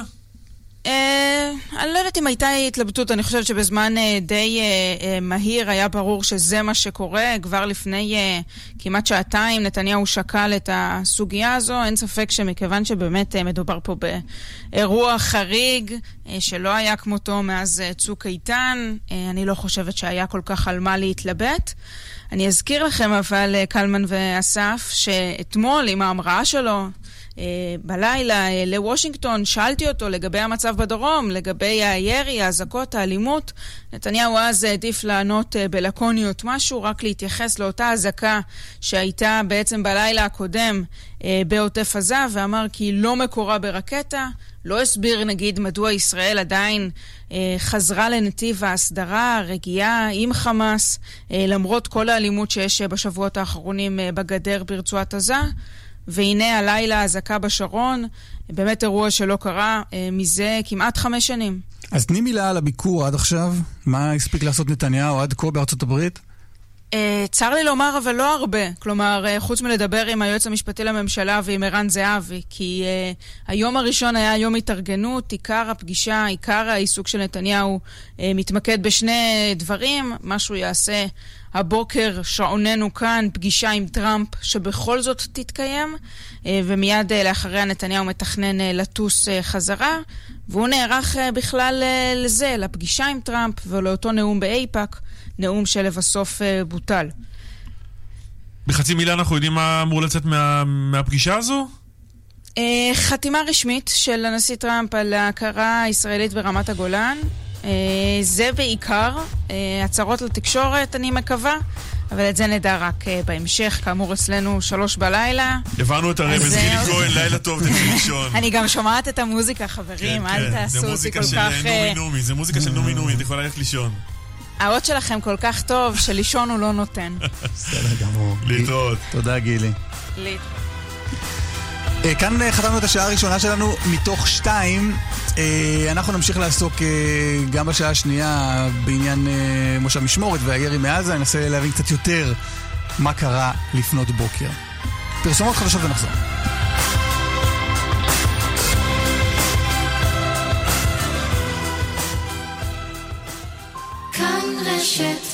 השעה בחסות. כל פעם אותו... הלו, קצת תרבות חברים. טלפון לתרבות הדיור ותהיה לכם גינה ציור. חייגו עכשיו, כוכבית 8484, לחברי האגודה, כפוף לתקנון.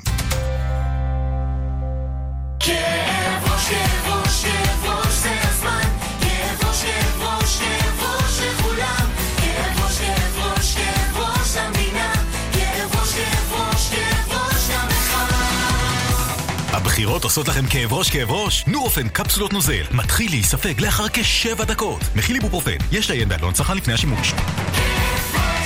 צריך לחג תנור. תחשוב אלקטרולוקס. כיריים לבישול.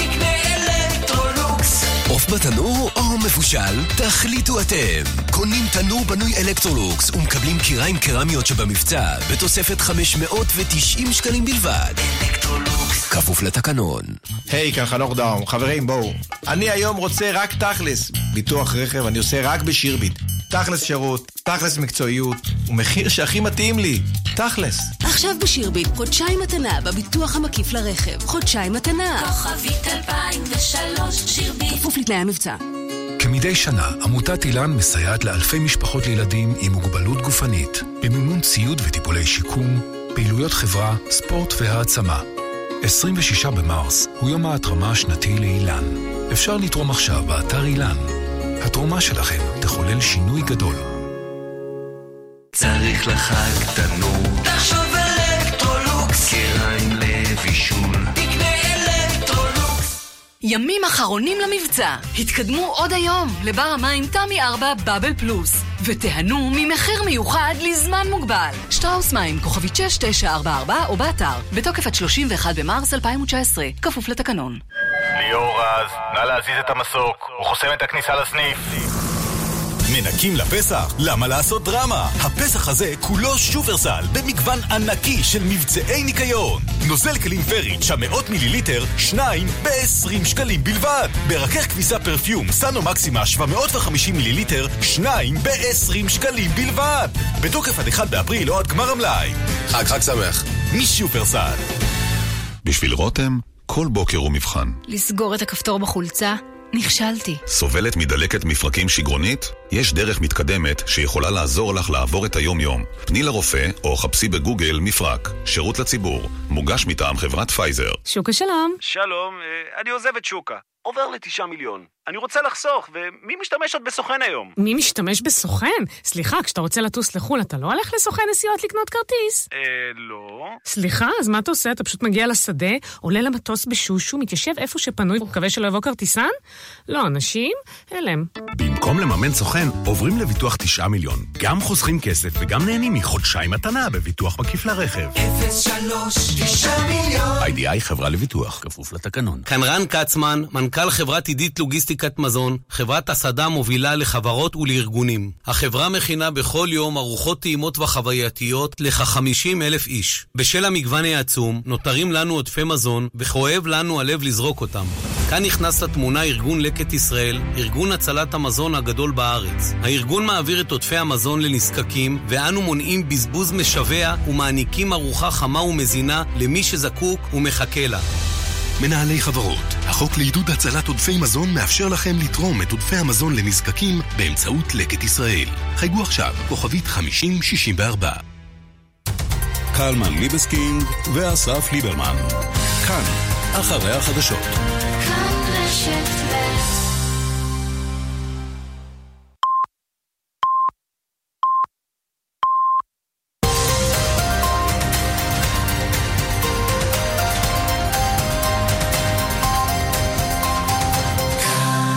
כל ישראל מירושלים, שלום רב, השעה תשע, הנה החדשות מפי צבי סלטון.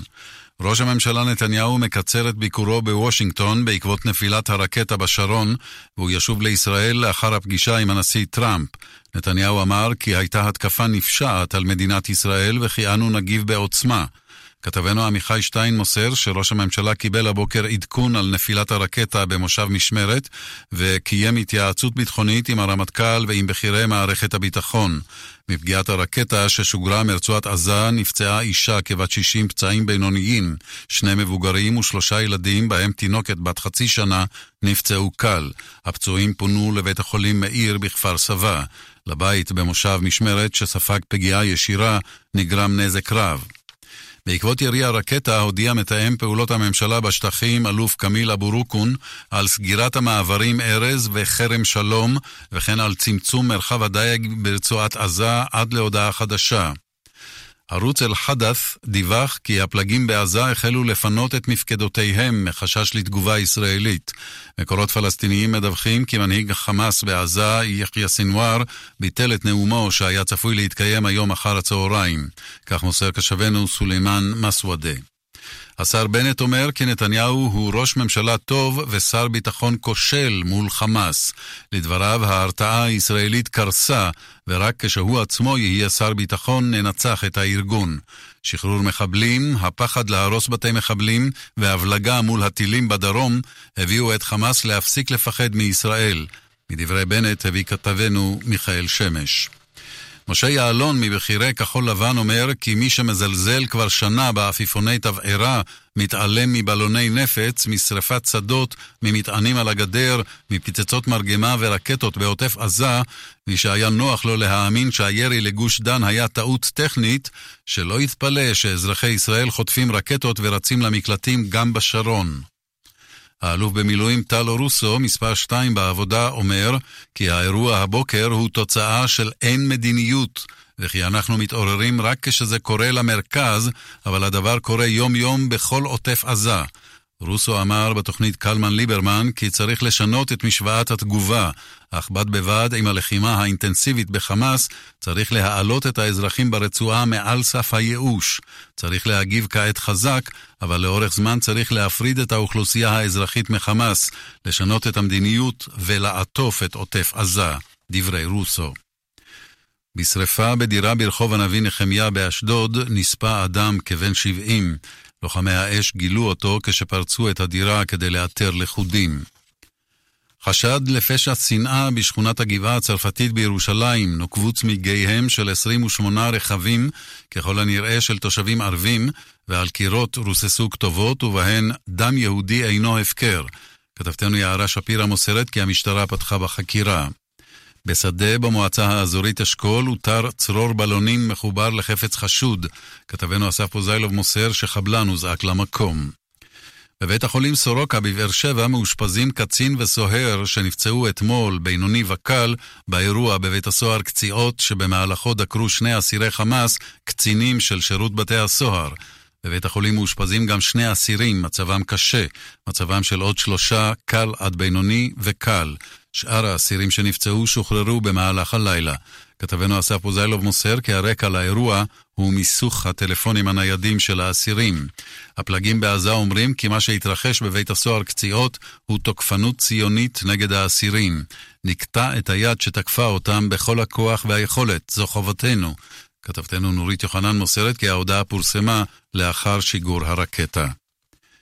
מכאן מוקד התנועה נמסר כי בשל שיטפונות נחסם כביש 90 ממלונות ים המלח למצוקי דרגות בשני הכיוונים. דרך 40 חסומה מצומת ציפורים עד כלא נפחא. עורכי החדשות הילה מרינוב ואלון ולן. התחזית, ברוב אזורי הארץ ירד גשם מלווה בסופות רעמים ובברד. יש חשש כבד לשיטפונות בנחלי המזרח והדרום. הגשמים יתמעטו משעות הצהריים וייפסקו בלילה. הטמפרטורות יהיו נמוכות מהרגיל. מידות החום המרביות, בירושלים 11 מעלות, בתל אביב 17, בחיפה 15, בצפת 9, בבאר שבע 16 ובאילת 22 מעלות. עד כאן החדשות, כאן רשת ב'.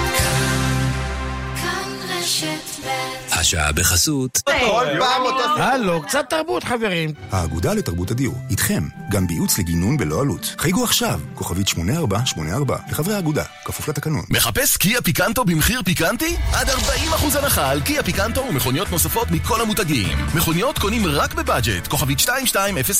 כפוף לתקנון. כאן רשת ב' קלמן ליבסקינד ואסף ליברמן. כאן רשת ב'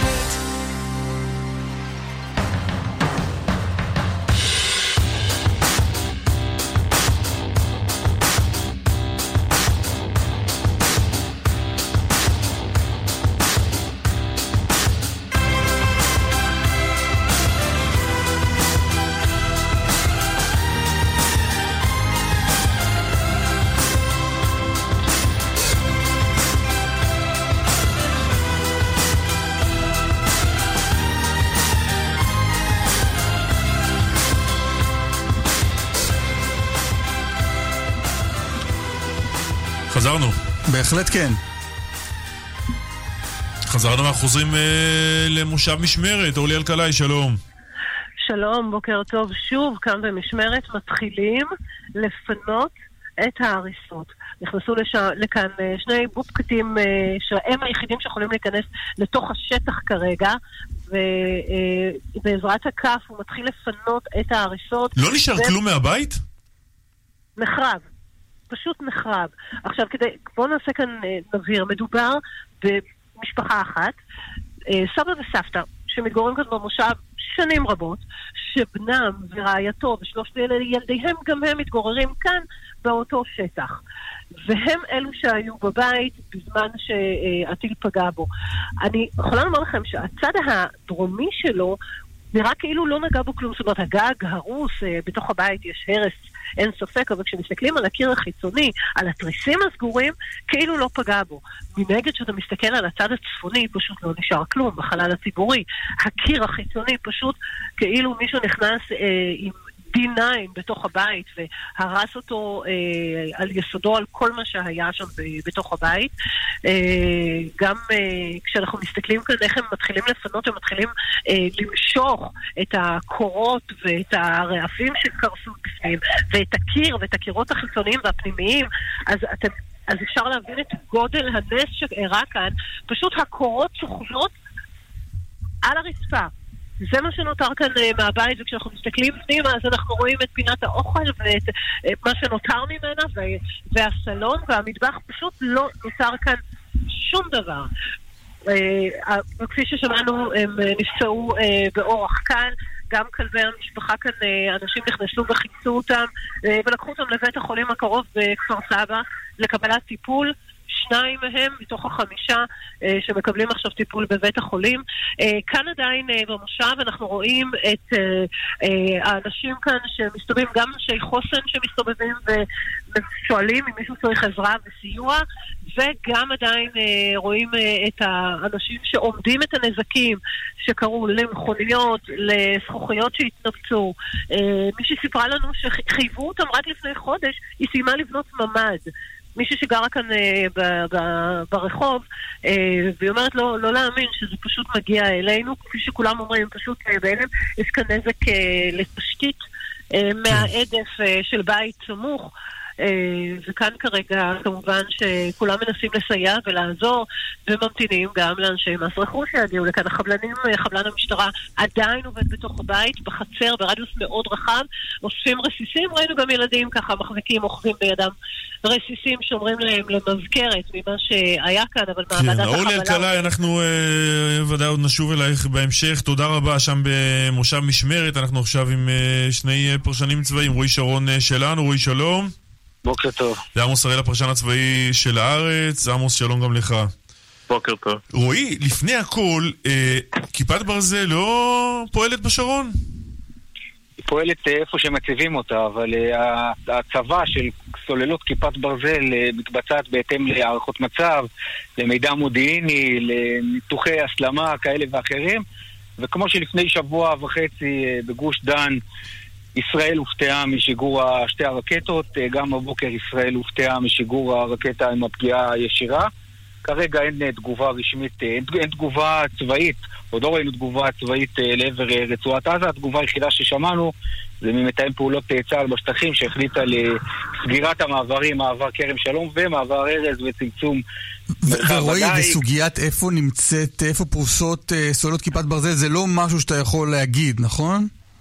לא, לא מציינים אה, נקודות איפה שפרוסות הסוללות, אבל אה, בדרך כלל אה, נהוג לומר שבאזור הדרום, שם יש יותר סבירות לשיגור ירי תלול מסלול, שם יש יותר, שם מוצבות כיפת, סוללות כיפת ברזל באופן קבוע, ומשם לכיוון הצפון, לכיוון המרכז, אזור אשדוד, אזור באר שבע, לפעמים מציבים, לפעמים פחות, לפעמים בקיצור, עדיף לראות על כפר. סבא מאשר על אשקלון.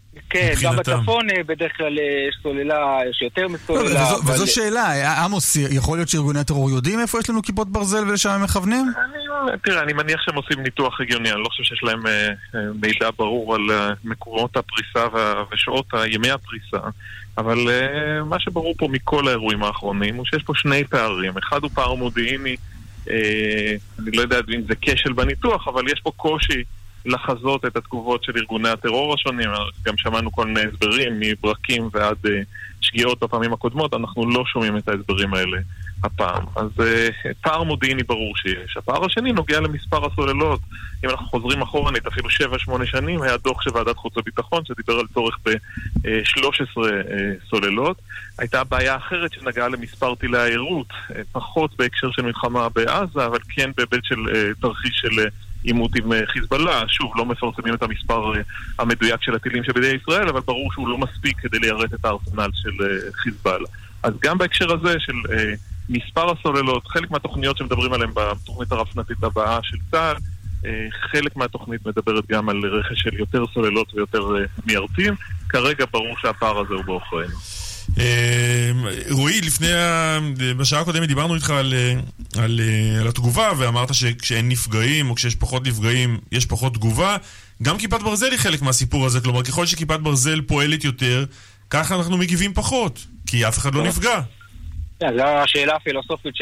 שמלווה את הפרויקט הזה של כיפת ברזל מהיום, ש... מהיום שהתחילה להביא תוצאות. הרי ברור שאם אה, כיפת ברזל לא הייתה מיירטת את כל העיוותים, הצילה כל כך הרבה חיי אדם, אז התגובות של ישראל היו בהתאם, ואי אפשר לדעת אה, לאן זה, לאן זה היה מוביל אותנו. עכשיו, באמת, עכשיו השאלה. בתוך המשוואה הזאת, לאן ישראל, אה, לאן הדרג המדיני יקבל את ההחלטה, איך ממשיכים, לאיזה תגובות הולכים.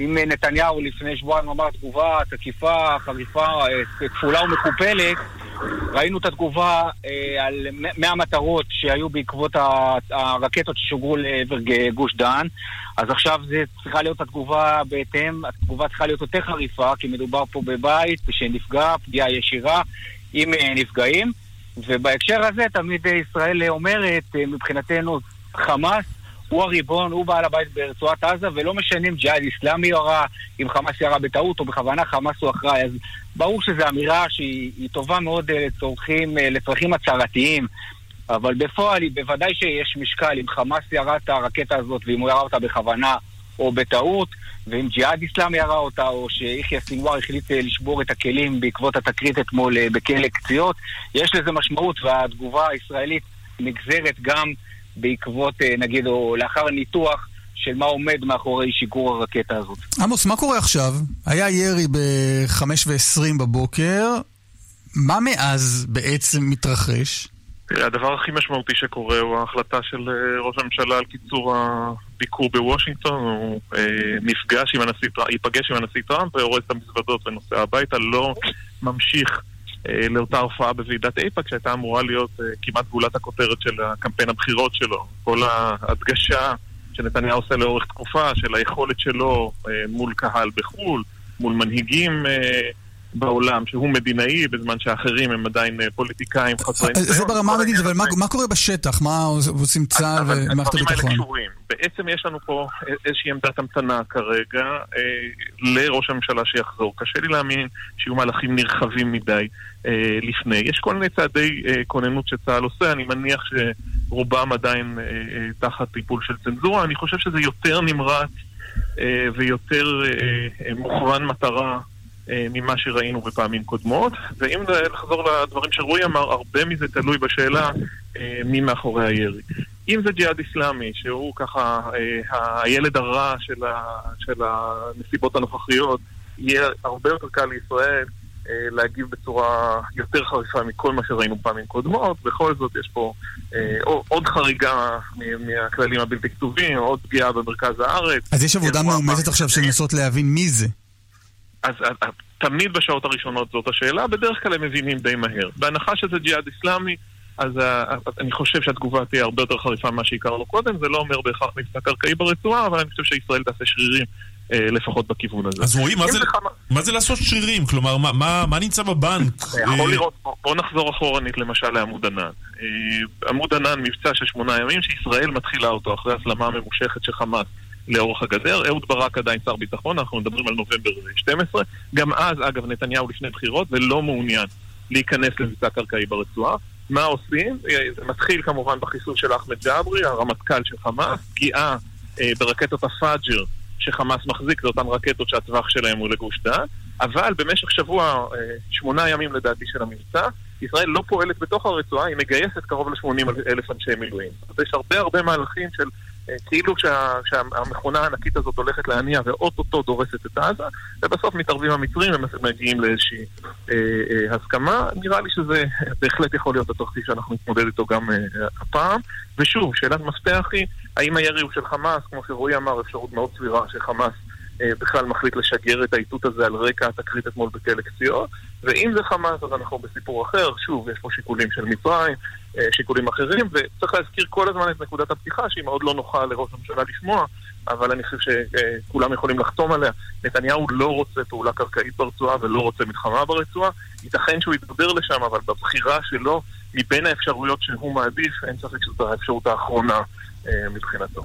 רועי, מה אתה מעריך שנראה בשעות הקרובות? כן, קודם כל, גם ברמה המבצעית, תהיה לישראל בעיה לפתוח עכשיו כמו את מבצע עמוד ענן, שישראל היא זאת שהחליטה מתי, מתי פותחים את המבצע. הרי בשעות שאחרי שיגור רקטה, כל ראשי החמאס וראשי הג'יהאד האיסלאמי, מן הסתם מתקבעים בבונקרים, ככה שאין אין הרבה מטרות אה, לפגוע, לפחות לא בשעות או ביממה הקרובה, ככה שסביר לראות, סביר להניח שהתגובה שנראה תהיה תגובה...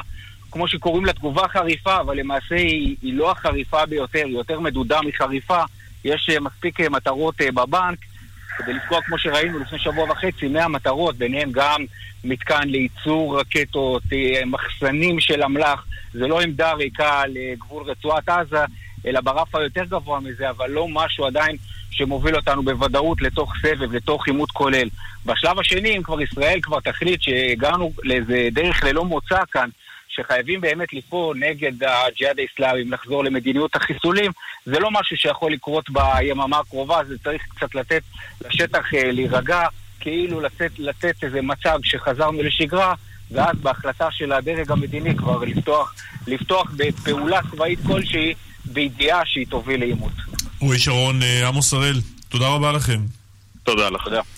דוקטור עוזי ארד, שלום.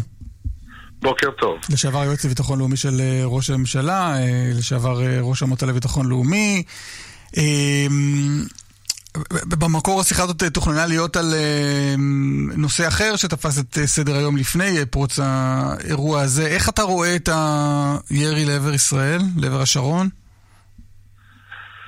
תראה, אני חושב שהדבר הזה משקף את העובדה שהמדיניות שלנו כלפי עזה בשנים האחרונות היא לא הייתה מדיניות אפקטיבית, משום שהיא מנציחה אה, סבבים כאלה שכל פעם אנחנו נקלעים לתקיפות ואתגורים אה, שלנו, ואנחנו מחפשים אה, מינונים זעירים או מנסים לשחק כאילו זה מוזיקה וריקודים ומהלך ומהלך נגדי, אבל אה, הדבר הזה רק יימשך, ו, ובכך הוא דבר, זה מדיניות עם כך שלא אפקטיבית. אני חשבתי כבר מאז צוק איתן, ובמשך כל הזמן, שמבחינה אסטרטגית ישראל לא יכולה להרשות לעצמה שבעזה תהיה יכולת התקפית עוינת לנו כזו. בין אם זה חמאס, בין אם זה ג'יהאד אסלאמי, אי אפשר, הדבר הזה לא יכול להתקיים. ולפיכך, הצורך במהלך צבאי אפקטיבי, אני חוזר על המילה אפקטיבי, שבעצם שולל כל כוח התקפי, כל יכולות התקפיות, וגם מפקדים באזור הזה, הוא מתחייב, צריך היה להתבצע בצורה מושכלת. צייר לנו את המהלך הזה, איך אתה רואה אותו? תראה, אה, אה, זה בדיוק תפקידם של המתכננים הצבאיים, אבל לא צריך להביא את המהלך הזה להיות מוצג בצורה קריקטוריסטית. דהיינו, כמהלך מגושם שנכנסים ל, ל, נכנסים לעזה ומדברים כאילו מדובר על כיבוש, כי אין כיבוש. זה מהלך שבו צריך להשתמש בצורה חסכונית אבל אפקטיבית בכל היכולות ההתקפיות שיש לצה"ל בתצורות שונות, כאשר מה שקובע זה המטרה. המטרה זה פגיעה אנושה ביכולות ההתקפיות שנמצאות שם. זה לא, אבל זה לא מה מצב שקורה, כי הציבור הישראלי שומע אה, 100 מטרות שמותקפות אחרי שנורה טיל לעבר אה, גוש דן, צה"ל מגיב במה שנראה כמו עוצמה. אה, בוא תנסה להסביר במה מה שיש לא, לך זה- בראש זה לא- זה- שונה זה לא. ממה שקורה. אה, תראו, אני, אני, אה, אני צריך פתאום, אה, צריך להפוך תקליט מסוים. בואו תסתכלו, רק לפני כמה זמן הייתה תופעה באזור שקראו לה דאעש, שלא ידענו איך לאכול אותה. פתאום השתוללו ברחבי המזרח התיכון כוחות אלימים, אסלאמיים, מוזרים, והם, והם השתלטו על שטחים ועשו דברים שהראו פלצות. ואז הודיעה ארצות הברית שהיא עוברת למהלך שבו היא מגדירה אותו to degrade and destroy. דהיינו, בהתחלה לק- לקצץ יכולות עד כדי בעצם ניטרול היכולות. הם שמו על עצמם אפילו הגבלות, בלי סיוע, בלי נוכחות כבדה של אה, כוחות על הקרקע. אבל העין הייתה נעוצה על המטרה.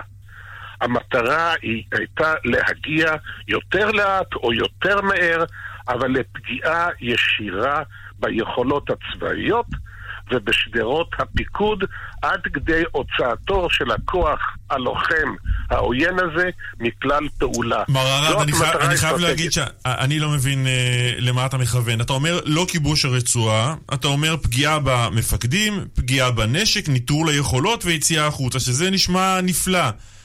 איך עושים את זה בלי כיבוש לא, עזה? זה לא נפלא, זה לא נפלא, זה מסובך.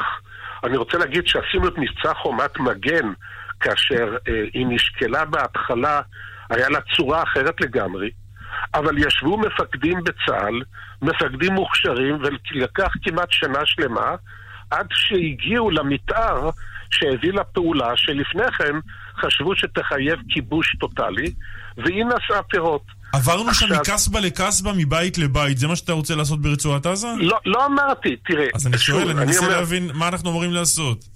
אה, אה, אתה, בשביל זה צריך מתכננים מושכלים.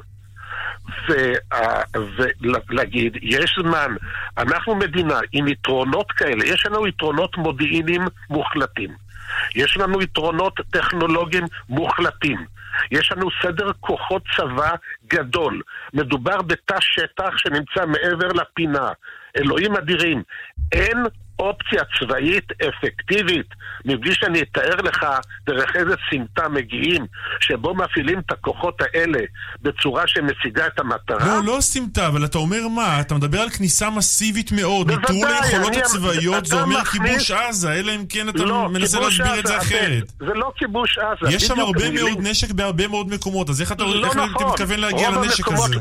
תראה, שוב, לעשות השוואה מוחלטת. תראה, ב-67, כשהיו ריכוזים מצריים, נכנסו לסיני, ההנחיה הייתה לא להיכנס לסיני ולכבוש את סיני. ההנחיה הייתה לתקוף את הכושר, את היכולת ההתקפית, ולהשמיד אותו. וכך צה"ל נערך. זה שהוא מצא את עצמו אחר כך עם שליטה על שטח, זה תוצאת לוואי. אבל זה לא הדבר הרצוי וזה לא הכרחי. פה כן אתה צריך לעשות מהלכים באוויר, בים, ביבשה, בתחכום, באותה יזימה שאנחנו מייחסים לעצמנו, באותו כושר אלתור שאנחנו מייחסים לעצמנו, תוך ניצול כל המשאבים שיש לנו, אין הדבר הזה מחייב להשתלט על כל השטח, בכלל לא. זה מחייב אבל מהלכים מושכלים, שאני לא רוצה לפרט את האפשרויות שלהם, שהולכים לכיוון איפה שמונחות המטרות. זה קשה, זה לא פשוט, אבל אף אחד, אתה לא עושה את זה מנקודה של נחיתות. אתה עושה את זה כשעומדים לפניך הרבה משאבים. עכשיו, אני לא מציע לעשות למה, את זה אה, עכשיו. דוקטור ארד, למה לא עושים את זה? אני חושב אתה מכיר המערכת, את אתה מכיר את הנפשות הפועלות, למה? אה, אה, תראה, אני, אני כבר חשבתי, כאמור, בצוק איתן, שהיה ברור שאם לא נעשה דבר כזה, אז הסיפור פשוט יחזור על עצמו. אנחנו נהיה כמו תקליט שחוזר על עצמו. ומה מנע את זה? לא יודע, אני חושב שרצון, באמת, לא, הייתה אז הערכה, אולי, שהוצעה, שאמרה, מבצע כזה יגבה מחיר מאוד מאוד גבוה של נפגעים. אז כמובן, כשאתה בא ואומר, יש לי תוכנית, אבל היא, היא תשיג מטרה אבל היא לא רווחית, כאילו אמרת שאין לך תוכנית. לא, אבל, אבל מי, מי, לא, מי לא רוצה את זה? ראש הממשלה? זה צמרת הצבא שפוחדת מנפגעים? בוודאי, מבצע צוק איתן החליט, התחיל, כשראש הממשלה מכריז שהיעד האסטרטגי זה שקט תמורת שקט. כלומר, זה היה בעצם החלטה על כניעה מראש. ורק לאט לאט הוא נסחף לתוך פה מנהרות, שם דברים. זה לא עובד ככה. היעד צריך להיות הפוך. היעד צריך להיות פעולה עוצמתית, מושכלת, חסכונית יחסית, שמשיגה מטרות מוגדרות. ואני לא חושב אבל שצריך לעשות את זה עכשיו. אה, כי זה לא דחוף. אין פה ריכוז כוחות שמאיים עלינו שאם לא נקדים לפעול, יקרה משהו. אבל במוקדם או במאוחר, זה מה שמתבקש בעזה. אוקיי, עוזי ארד, תודה רבה. תודה לכם.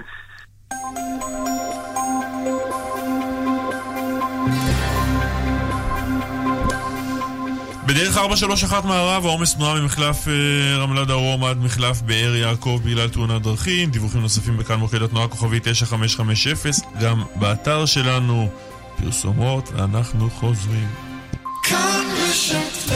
מיד חוזרים עם קלמן ליבסקינד ואסף ליברמן. אחי, מכרתי את הרכב שלי. מזל טוב, למי? בהפסד של 40 אלף. בקטנה אחי, אבל למי... אתה קולט? הפסדתי חמש משכורות! אוקיי, אבל... אלף ארוחות צהריים! אלף! כשאתם מחליפים את הרכב, אתם עלולים להפסיד לא מעט כסף. עם אופרייט, הילדים הטובים של עולם הרכב, תוכלו לחסוך בענק. מגוון דגמי יד ראשונה במחירים מצוינים ובתנאי מימון נוחים. חייגו כוכבית 3130.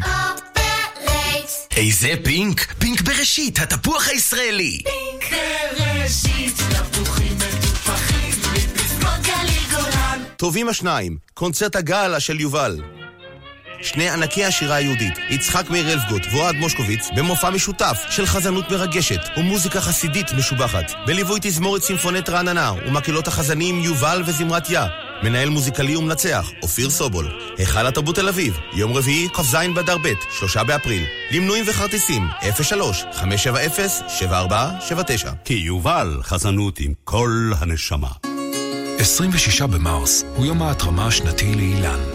אפשר לתרום עכשיו באתר אילן. התרומה שלכם תחולל שינוי גדול.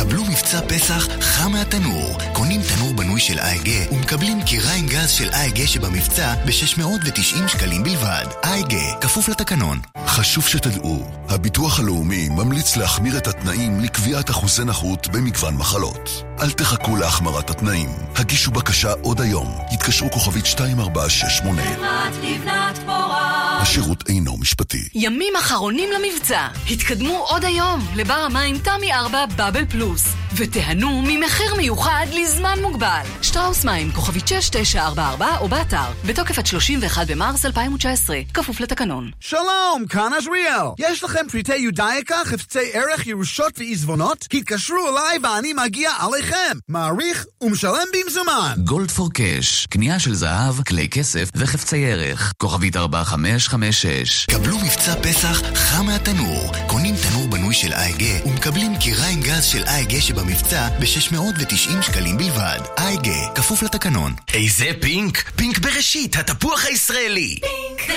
בראשית, תפוחים מטופחים, מפסקות גליל גולן. לא ימין, לא שמאל, לא טייקונים ולא פוליטיקאים. אנחנו לא משרתים אף צד, רק את האמת. שלום, כאן דוריה למפל. בכל ערב אנחנו כאן, במהדורה העצמאית, המאוזנת והמגוונת בישראל. חדשות הערב, בכל ערב, בשתי דקות לשמונה, בערוץ כאן 11, כאן רשת ב' וכאן חדשות בדיגיטל. כאן רשת ב' רום ליאור, אה, כתבנו אה, בבית החולים מאיר בכפר סבא, שלום. שלום. מה מצב אה, הפצועה, אותה פצועה בינוני, מפגיעת אה, הטיל במשמרת? כן, אז בדקות האחרונות אנחנו מקבלים עדכון על כך שאותה אה, פצועה אישה כבת 60 ככל הנראה תועבר מבית החולים אה, מאיר בכפר סבא או לבית החולים תל השומר או לבית החולים אה, בלינסון. הסיבה לכך היא שיש לה איזושהי פציעה קצת יותר אה, מורכבת ממה שחשבו בתחילה. הפציעה הזאת התגלתה במהלך אה, בדיקות ההדמיה שנערכו לה ולכן הפרוצדורה שהיא תצטרך לעבור מעט מורכבת יותר ולכן היא גם תצטרך אה, להיות מועברת לבית חולים אחר. זה נמצא כרגע עוד באיזה שהם סיכומים סופיים אבל כך זה נראה. מעבר לכך, חשוב להדגיש כמובן, היא לא נמצאת באיזושהי סכנת חיים, כך גם יתר הפצועים שהגיעו לכאן, ובהם שלוש בנות, אחת בת 12 שעוברת כרגע עוד איזושהי פרוצדורה רפואית, היא פצועה קל עם חתך די משמעותי בכף רגלה, אבל גם היא בסך הכל בסדר. עוד שתי פעוטות, אחת בת חצי שנה, אחת בת שלוש, מטופלות בשעה זו למיון אה, הילדים. ועוד אה, שלושה אה, פצועים בני משפחה אחת, סבא משפחה ושני ההורים, גם הם מטופלים כאן בבית החולים, מצבם קל, ומקווים כאן הרופאים שעוד היום הם יוכלו להשתחרר מבית החולים. הערכות בנושא הזה כמובן יבוצעו בהמשך היום. רום ליאור, תודה רבה. תודה. רועי קייס, כתב תחום ערבים, שלום. שלום. אה, כן, אז אנחנו אומנם לא שומעים על קבלת אחריות רשמית, לא של חמאס ולא של הג'יהאד האיסלאמי לירי, אבל אמירה מאוד משמעותית של מנהיג הג'יהאד האיסלאמי, זיאד נחלה, ממש בדקות האחרונות, שהוא אומר, אנחנו מזהירים את ישראל מלבצע איזושהי תוקפנות כלפי רצועת עזה, להנהגה בישראל לדעת שאנחנו נשיב בעוצמה נגד תוקפנות מהסוג הזה. וצריך להגיד שאם ניזכר באירוע לפני שבועיים, הירי בטעות לגוש דן, אז בזמנו, תוך שעה קלה, הג'יהאד האיסלאמי וגם חמאס הכחישו כל קשר לירי בזמן שהמשלחת המצרית הייתה ברצועת עזה, אותה משלחת שאמורה כביכול להגיע, ועכשיו אנחנו רואים סוג של שתיקה גם בחמאס, גם בג'יהאד האיסלאמי, לא מכחישים שהירי, אה, שהירי קשור אליהם, ואנחנו רואים את ההצהרה הזאת של מנהיג הג'יהאד האיסלאמי זיאד אה, נחלה. חשוב להגיד שבימים האחרונים אנחנו רואים הסלמה אה, משמעותית על הגדר ברצועה, אנחנו רואים את יחידת ההטרלה הלילית בעזה שמחריפה את הפעילות שלה. אתה מבין, מה, אתה מבין מההודעה הזאת שזה מקרב את האירוע לג'יהאד האיסלאמי? אה, בהחלט, אין ספק. אני חושב שאין ספק, ואנחנו רואים את ההודעה הזאת שהיא מתפרסמת גם בפלטפורמות של הג'יהאד האיסלאמי. כלומר, אה, אין ספק שעצם העובדה שהג'יהאד האיסלאמי הוא הראשון, הארגון הראשון שמגיב אה, לאירועים האחרונים שאנחנו רואים, זה בהחלט מקרב, אה, מקרב אותו לאירוע הזה. וצריך להגיד שאנחנו אה, מדברים אה, על האירוע הזה שקורה שעות ספורות אחרי הפיגוע שהיה אתמול בבית הכלא בקציעות, אה, שראינו שם גם שני שני קציני, קציני שב"ס נפצעים, גם 12 אסירים שנפצעו מהתגובה שלהם על, על הדקירה, וראינו את התגובות הקשות גם של חמאס וגם הג'יהאד האיסלאמי, לא מן הנמנע שיש קשר אה, בין, אה, בין האירועים, אה, וצריך להזכיר בהקשר הזה שהיום ראינו שחמאס היה אמור להיות נאום של מנהיג חמאס ברצועת עזה, יחיא סינואר, אנחנו רואים שהנאום הזה בוטל בעקבות האירועים, במקביל אנחנו רואים גם את, ה, את התגובה הישראלית, את הסגירת מעברים ממעבר ארז, מעבר כרם שלום, גם צמצום מרחב הדי. בעזה כאמור יש ציפייה, אני רוצה להשמיע לכם את אה, כתבת ערוץ אלרד, היום שלפי שעה מדווחת על סוג של שגרה בעזה, הנה דבריה. يعني حتى اللحظة الحركة طبيعية جدا داخل قطاع غزة الطلاب توجهوا إلى مدارسهم الموظفون توجهوا إلى أعمالهم זאת הכתבת של אה, רעות סדרת שאומרת, אה, סך הכל עד עכשיו יש שגרה בעזה, התלמידים הלכו לבתי הספר, העובדים הלכו למקומות העבודה שלהם, אבל גם שם יש דריכות רבה אה, לגבי מה שהולך להיות, ולראיה ההצהרה הזאת של מנהיג הג'יהאד האיסלאמי, זיאד נחלה, שמזהיר את ישראל, תוקפנות תעלה לכם ביוקר. תודה רועי. תודה. מתן כהנא, אה, חבר אה, מפלגת הימין החדש, שלום. שלום, שלום. איך אתם אה, רואים את האירועים ובעיקר את, ה... את המה עושים? אנחנו רואים שברור מתמיד שהמדיניות של נתניהו מול החמאס פשוט אה, נכשלת. והגיע הזמן שיהיה פה שר ביטחון שיטפל בבעיה הזאת כמו שצריך. מהי המדיניות של נתניהו? אנחנו רואים שהמדיניות של נתניהו, בדיוק כמו שעוזי ארד אמר אה, לפניי בריאיון, זה שקט אה, תמורת שקט, זה הכלה, ותפיסת התיקו שהובלה על ידי אה, גנץ כרמטכ"ל ובוגי כשר ביטחון. ואנחנו חושבים שזה צריך להיות בדיוק הפוך. שמול החמאס צריך לפעול בתקיפות. שזה אומר מה? זה אומר שצריך לחזור למדיניות של סיכולים, זה אומר שצריכים לתקוף את המערכים האסטרטגיים שלהם. זה אומר שצריך פשוט לפעול מאוד מאוד בתקיפות מול החמאס. תראה, הרי יש פה... מה זה, מה זה מאוד מאוד בתקיפות? אמרת סיכולים, מה עוד? תראו, תראו, יש פה קו הרי מחבר בין אה, בלוני נפץ לקסאמים על שדרות, שמתפתח אחר כך לטילים על אה, תל אביב. אה, זה דברים שאי אפשר להסכים להם, וזה גם אותו דבר עם ההריסה על בתי מחבלים, שכן הורסים ולא הורסים, והמחבלים אחר כך מיד בונים את הבתים האלה, ומשתוללים בבתי הסוהר כי הם מחליפים להם מ-yes לנטפליקס, זה פשוט לא הגיוני הרי. ולכן צריכים לפעול מאוד מאוד בתקיפות. מה זה אומר? מה זה אומר מאוד בתקיפות? תראו, השר נפתלי בנט לפני עשרה חודשים כבר הניח תוכנית אופרטיבית מלאה בפני הקבינט, אה, שבה הוא מפרט איך נכון אה, להתמודד מול החמאס. וזה, וזו תוכנית שהיא פשוט אה, תלך איתה מאוד חזק, ודי עם התיקו הזה, ודי עם ההכלה הזאת. לא, בסדר, ו- שכנעת אותנו. תיקו זה רע, אה, להפסיד זה רע, ולא להיות תקפים זה רע. מה עושים? תראה, אני לא צריך פה עכשיו לפרוט אה, תוכניות אופרטיביות אה, ברדיו, הדברים האלה, יש לנו צבא חזק, אה, צבא שאם הוא רוצה הוא יכול להילחם ולהוציא תוכניות טובות, וזה מה שאנחנו מצפים מהצבא עכשיו להציע. מהצבא להציע? הצבא צריך להגיד מה, מה צריך לעשות?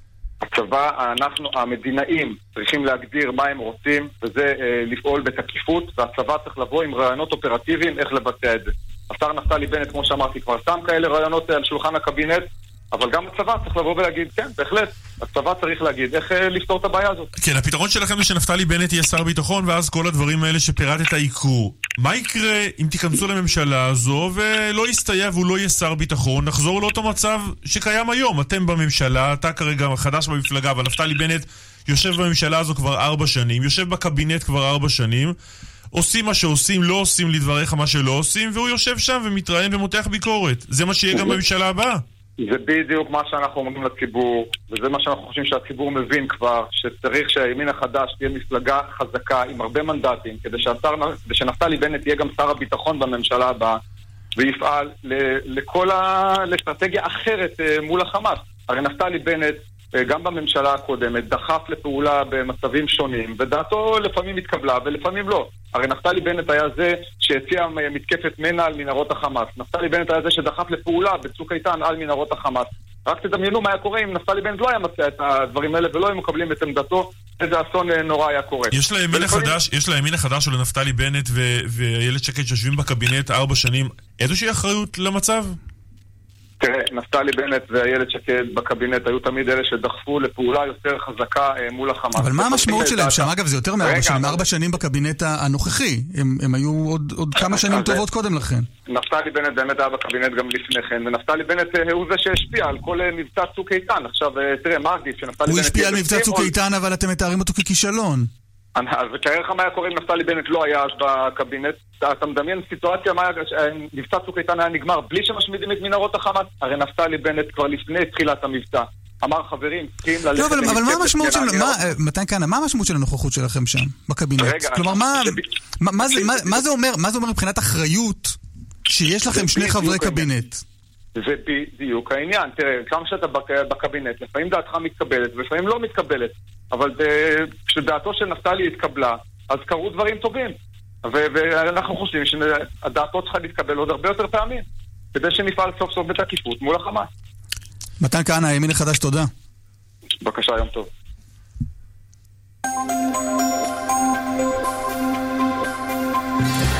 כביש 431 לכיוון מערב עמוס ממחלף רמלה דרום עד מחלף באר יעקב בגלל תאונה. עוד דיווחים כאן, מוקד התנועה כוכבי 9550 ובאתר. פרסומות ונחזור. מיד חוזרים עם קלמן ליבסקינד ואסף ליברמן.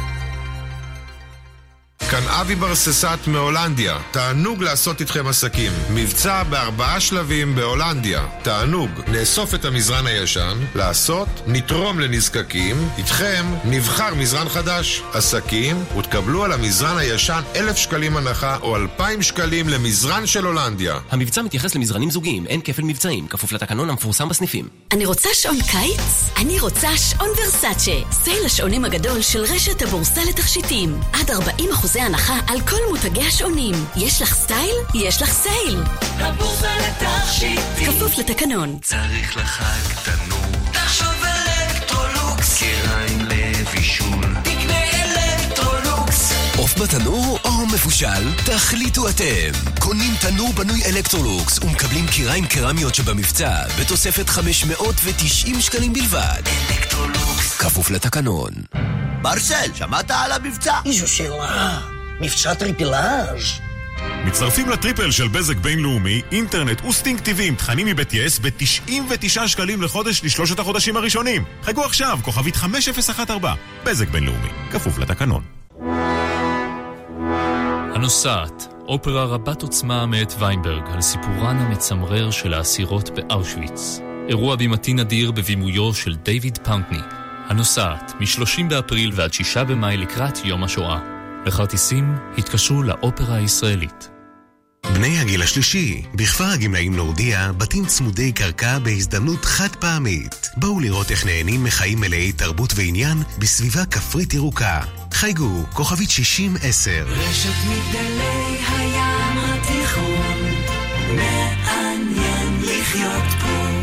המלאי. שירביט שלום. היי, אה, זה שוב חנוך דאום. כן, חנוך, איך אפשר לעזור? כן, תגידי, בעניין החודשיים מתנה בביטוח הרכב, יש סיכוי להשאיר את זה בינינו? פשוט לאשתי יש יום הולדת, רציתי להפתיע. לא, זה מבצע לכל המצטרפים. חוץ מזה, זה ברדיו. אז תנמיכי. עכשיו בשירביט, חודשיים מתנה בביטוח המקיף לרכב. חודשיים מתנה. כוכבית 2003, שירביט. כפוף לתנאי המבצע. צריך לחג תנור. תחשוב אלקטרולוקס. קריים לבישול. בישראל בוחרים מרכז, שמאל או ימין. בישראל בוחרים בעמותת המנעולנים. מכיוון שבכל שנה מתקבלות בארץ יותר משני מיליון קריאות למנעולנים, תבחר בנו. הצטרף לקורס מנעולן. היום גם אתה יכול ללמוד בכיתה או מהבית את סודות המקצוע, לקבל תעודת מנעולן ולהרוויח בעבודה מכובדת. לפרטים התקשר, כוכבית 5983. כאן רשת תמר אה, אלמוג, פרשנית יענו לענייני משפט, שלום. שלום, בוקר טוב. אה, היה איזה סיפור אתמול, אני מזכיר גם לאסף, אה, עם צוללות משהו, נכון? מחווה- מחווה לביטלס, נכון? זה משהו שעסקנו בו. ממש, המחווה לביטל, זה כל, זה כל הסיפור. אבל אה, באמת, אה, אתמול יש איזושהי הודעה מאוד יוצאת דופן של היועץ המשפטי לממשלה, ונחזור קצת אחורה למה שקורה במוצאי שבת, כאשר ראש הממשלה מתראיין לחדשות 12, ומדבריו משתמע שכל נושא של אישור מכירת הצוללות למצרים הוא אומר, שר הביטחון ורמטכ"ל אני נידרתי, אבל הנה יש אנשים שכן ידעו, נגל ועמידרור וגם היועץ. עכשיו, אנחנו ניסינו להבין מה היועץ ידע, היועץ הקודם, היועץ הנוכחי, מה הקשר. אז בדקנו וגילינו שהיועץ הקודם לא ידע מזה, לא היה מעורב בתהליך. וגם לא אמור אגב להיות היועץ המשפטי לממשלה מעורב, כן, אבל הוא לא מעורב כן, בתהליך. למה, למה זה, נהיה, זה, נהיה, זה נהיה חשוב רק כי נתניהו אמר את זה? נכון? נכון, על פניו כך. היועץ המשפטי לממשלה לא אמור להתעסק באיזה צוללת אנחנו קונים, מאיזו מדינה או מאיזו חברה. פשוט הלכנו לבדוק, כלומר אנחנו, התקשורת, עסק- עוסקת בנושא הזה בגלל שנתניהו מסר איזו גרסה באותו ראיון בחדשות 12 לקרן מרציאנו ועמית סגל, שאומרת הם ידעו. נכון, ממש כך. לגבי מכירה, אם יש איזשהו חוזה, אז אה, יועץ משפטי אמור להיות מעורב, או לפחות יועץ המשפטי למערכת הביטחון. אבל פה לא היה מדובר בעסקת מכירה שישראל מוכרת, אלא באישור לגרמנים שאפשר למכור למצרים. ואילולי, כמו שאתה אומר, אילולי ראש הממשלה היה אומר, או היה משתמע מדבריו שהיועץ היה איזשהו שותף סוד לעניין הזה, או שזה על דעתו, הסיפור לא היה בכלל אה, עולה על הפרק. אבל מה קורה? ראש הממשלה רומז את זה. כאמור, אנחנו מבינים שהיועץ באותו, באותה עת, זה לפני עידן מנדלבליט, אז היועץ הקודם לא היה מעורב בתהליך הזה, או מי מטעמו. והיועץ מנדלבליט, שתיקה. אנחנו לא, לא שומעים שום דבר אחר. למיטב ידיעתנו הוא לא היה מעורב. ואז בערב, בסופו של דבר, כנראה במשרד המשפטים, שמאוד לא אהבו את הרמיזה הזאת של ראש הממשלה, וחוששים כנראה ששתיקה תתפרש כאיזושהי הסכמה, מוציאים הבהרה מאוד חריגה, ובה הם אומרים כזה דבר. נכון שהנושא, אה, ראש הממשלה העיד כעד בפרשת הצוללות במשטרה, והוא אמר יש איזשהו נתון סודי. והנתון הסודי הזה, אה, אני לא הייתי מוכן לתת אותו בעדותי, אלא אם זה ליועץ ולפרקליט המדינה ישירות. בגלל שראש הממשלה היה בחקירות כנחקר בתיקים אחרים, אז אה, לא לקחנו את הנתון הסודי הזה. אז בשורה התחתונה אומר היועץ, אין, ראש הממשלה לא שיתף אותי בשום דבר. כן, אבל, אנחנו- אבל מצד אחד אומר לא שיתף אותי בשום דבר, וזה אכן סותר את הדברים שאמר נתניהו במוצאי שבת, אבל מהצד השני, אומר היועץ, נתניהו הציע לעדכן אותי בסוגיה הזו. זה אני שלא רציתי להתעדכן. לו הייתי רוצה או לו אני רוצה עכשיו, נתניהו מוכן לספר. הוא הציע את זה. נכון, אז הוא מדבר על אותו, הוא אומר זה אותו מידע רגיש, אנחנו החלטנו שלא לבדוק את העניין הזה, כי כאמור נתניהו נחקר בחקירות אחרות. מה הקשר? יכול להיות שהם חשבו שכתוצאה מזה תימסר גרסה שרלוונטית לחקירות אחרות. האמת, לא ברור מה, מה הסיבה למה לא לשמוע את הנתון הסודי. אבל למה בסופו חשוב ליועץ להגיד שנתניהו לא שיתף אותו בסוד? הוא כותב את זה, נכון? חשוב, לה, חשוב זה. להגיד, חשוב להבהיר, נתניהו לא שיתף אותי בסוד, לא שיתף את היועץ בסוד, כותב אחד היועצים המשפטיים שלו, גיל לימון. נכון, העוזר הבכיר של היועץ כותב את זה באמת בעניין, אני חושבת שזה מגיע מתוך המקום של באמת שהם לא מבינים מדוע ראש הממשלה רומז שקרה אחרת. ומדגישים במכתב הזה, זה לא נוגע לדברים אחרים שנאמרו בריאיון, אנחנו לא מתייחסים לזה. לגבי הדבר הזה, מה שנקרא במילים אחרות, חשוב שידעו שאנחנו לא ידענו מהסיפור הזה. הגרסה הזאת, שכאילו זה היה על דעתנו, ש... בשותפות שלנו, באישור שלנו, מה שמשתמע מזה, זה פשוט לא נכון. אבל את מבינה ולכן למה זה חשוב? למה. זה חשוב ליועץ להגיד את זה? כדי שלא יוכלו לטעון בגרסה שזה בגלל זה, או שהיה איזושהי תמיכה שלו במהלך, מה שלא היה נכון. אבל יש עוד נקודה אחת חשובה שפרסמת אתמול בערב, היועץ אה, החליט לא לפתוח בחקירה בעניין הזה. כל הטענות שאנחנו עוסקים בהן בשבוע האחרון, כן צוללות מצריות, לא צוללות מצריות, כן בגידה, לא בגידה, היועץ לא מתכוון לבדוק את זה בכלל, לבחון את זה פלילית. נכון, אנחנו מהיכרות עם אה, תחום הדרמות המשפטיות שיש פה חדשות לבקרים, תמיד אומרים שהכל נכון לעכשיו, אבל באמת מה שמסתמן, שהנושא הספציפי הזה של אישור מכירת הצוללות למצרים לא ייפתח מחדש, לא יהפוך לחקירה. אה, זה בהחלט כך זה נראה כרגע, גם צריך לזכור שהסיפור הזה הוא מלא בהתרחשויות ובניתוחים שלנו, אבל הוא גם לא היה מוקד החקירה קודם, והוא לא, למרות כל מה שקרה אמש, לא עומד להפוך לחקירה. אבל יש פה משהו יותר גדול מזה. גם כל סיפור, המניות של ראש הממשלה, כלומר, המניות שהיו לראש הממשלה בחברת הפלדה, זה כנראה יהפוך לבדיקה. אותו שלב שנקרא בדיקה לפני חקירה, להבדיל מהעיון הראשוני שעושים עכשיו. זה צפוי להפוך לבדיקה, אבל בין זה, בין המניות של ראש הממשלה שהוא החזיק, הרוויח עליהם כסף, ובזה יבדקו דיווחים, אה, אינטרסים, לבין פרשת הצוללות. תיק 3000, מבחינת מערכת אכיפת החוק בין המניות לבין תיק 3000, אין פלילים. אין קשר, אין קשר, אולי קשר עקיף, בטח לא קשר ישיר, בטח לא משהו שהולך להיחקר בשלב הזה. תמר אלמוג, תודה רבה. תודה לכם. הדוקטור צימינה צמח, שלום. שלום וברכה. הסוקרת הראשית של מכון מדגם, מה קורה? איך עוברים הימים? עוברים בסדר, חוץ מהאירועים הביטחוניים שקורים, שהם לא כל כך סימפטיים. את האסקיפיזם שלנו להבוקר, את מבינה? אנחנו בורחים אה, מהמציאות כן. הביטחונית כדי לדבר קצת על אה, כן, פוליטיקה הבחירות זה וסטטיסטיקה. כבר משהו טוב, אה? כן, ממש ככה. אה, סקר שלך, אה, שמפורסם אתמול בחדשות של מכון, 12. בוא נתקן, של מכון מדגן, של גם מנו גבע ושלי. מהמם. מה תזוזות משמעותיות שאת מזהה שם, אם יש כאלה? לא, אה, מה שאפשר להגיד שבעצם ה- הרעיון שראש הממשלה נתן, לא היו לו כמעט, לא היו לו השלכות, ההשלכות היו מזעריות והם כולם בתוך טעות דגימה. השוני היחיד אולי מסקר שנערך ביום חמישי זה שגשר עברה את, את אחוז החסימה, זה פעם ראשונה אחרי חודש וחצי בערך שגשר עברה את אחוז החסימה. אבל באשר לרעיון, כמו שאמרתי, אני, אנחנו לא מזהים שום השלכות של הר- הרעיון. אה, מינה, הרעיון הזה היה תגובה לכל, אה, לכל דיון הצוללות. מה עשה כל סיפור הצוללות לסקרים? תראה, סיפור הצ... אנחנו עוד לא... תראה, בסקרים אי אפשר לדעת בדיוק מה עשה מה. כי זה לא איזה ניסוי שאנחנו יכולים לפקח על המשתנים, אבל אם אנחנו משווים את הממצאים לפני שסיפור הצוללות פרץ לממצאים שאחרי, אז יש לליכוד אה, ירידה לא, לא, לא גדולה, אבל ירידה מסוימת, וגדל הפער לטובת אה, כחול לבן. הזכרת אה, מה קורה ב- במפלגות הקטנות, או העתידות להיות קטנות. אה, הזכרת את אה, אורלי לוי שעוברת את אחוז החסימה בסקר שלך, אה, ומי שלא עובר זה משה כחלון וכולנו.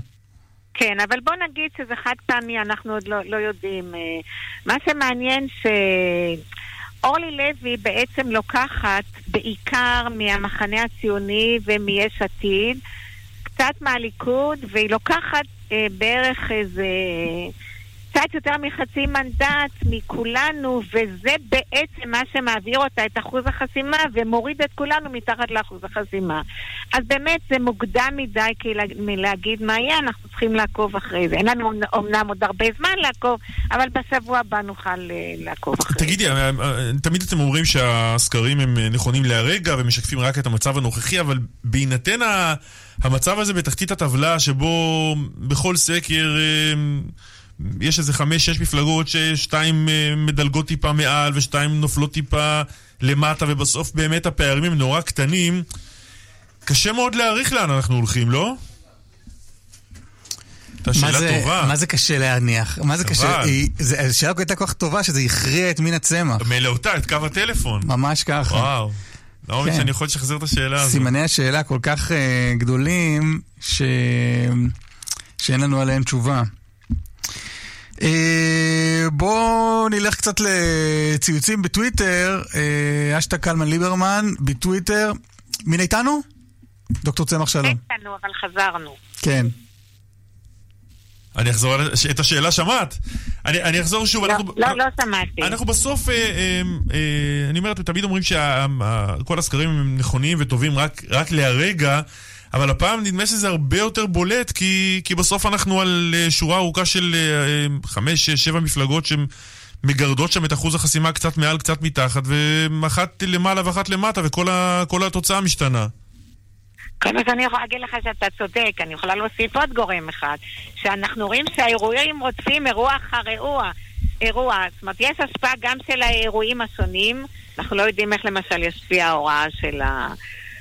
של הבוקר, אבל גם ההשפעה של האירועים וגם כמו שאמרת, השפעה של ה... של... שיש מפלגות שהן... אה, מעל או קצת מתחת לאחוז החסימה, ואנחנו יודעים שהמנדטים של מפלגות שעוברות את אחוז החסימה מורכבות משני חלקים. החלק העיקרי זה באמת המנדטים שמקבלים אנשים שמצביעים להם, אבל חלק נוסף זה החלק שמקבלים מהמפלגות שלא עוברות את אחוז החסימה, בעיקר המפלגות הגדולות נהנות מזה. ולכן, אה, אם מפלגה מסוימת תקבל 3.20 אחוז או 3.25 אחוז, זה כל ההבדל שבעולם אם היא תקבל ארבעה מנדטים, או שהיא לא תקבל כלום, והמנדטים שלה יתחלקו בין, בעיקר בין המפלגות הגדולות. דוקטור מינה צמח, תודה רבה. שיהיה לנו יום טוב. הלוואי, הלוואי. רוני זינגר, אה, מגישת שטח הפקר, שלום. היי, בוקר טוב. מה הערב אצלכם? הערב אנחנו חוזרים כמעט 37 שנים אחורה אל קרב סולטן יעקוב, אולי אחד הקרבות אה, שזכורים בתודעה הציבורית, מה שקרוי הבוץ הלבנוני, ואנחנו חוזרים לשם אחרי שלפני מספר חודשים דווח בתקשורת שבצה"ל, אה, במשרד הביטחון, מתכוונים להודיע למשפחות הנעדרים שמדובר למעשה בחיילים שמקום קבורתם לא נודע.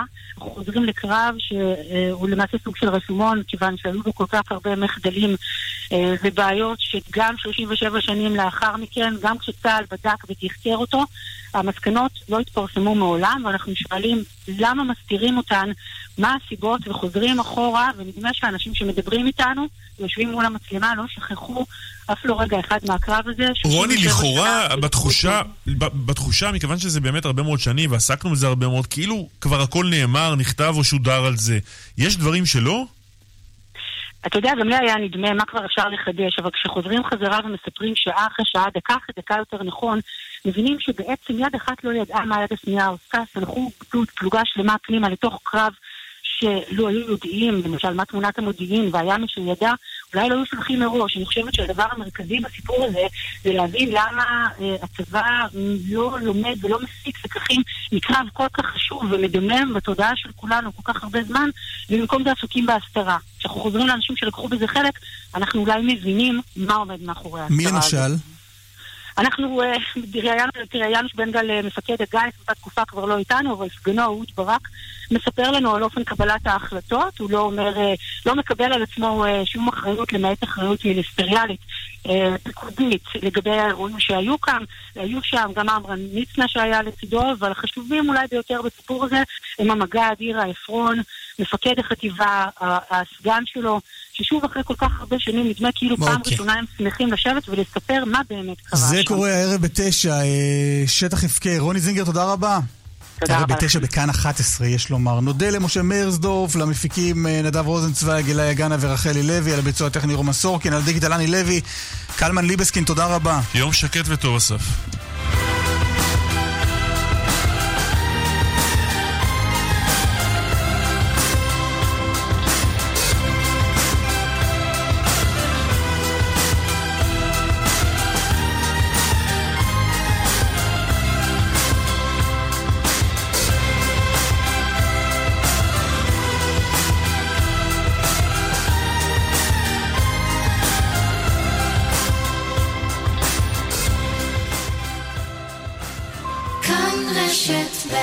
השעה בחסות.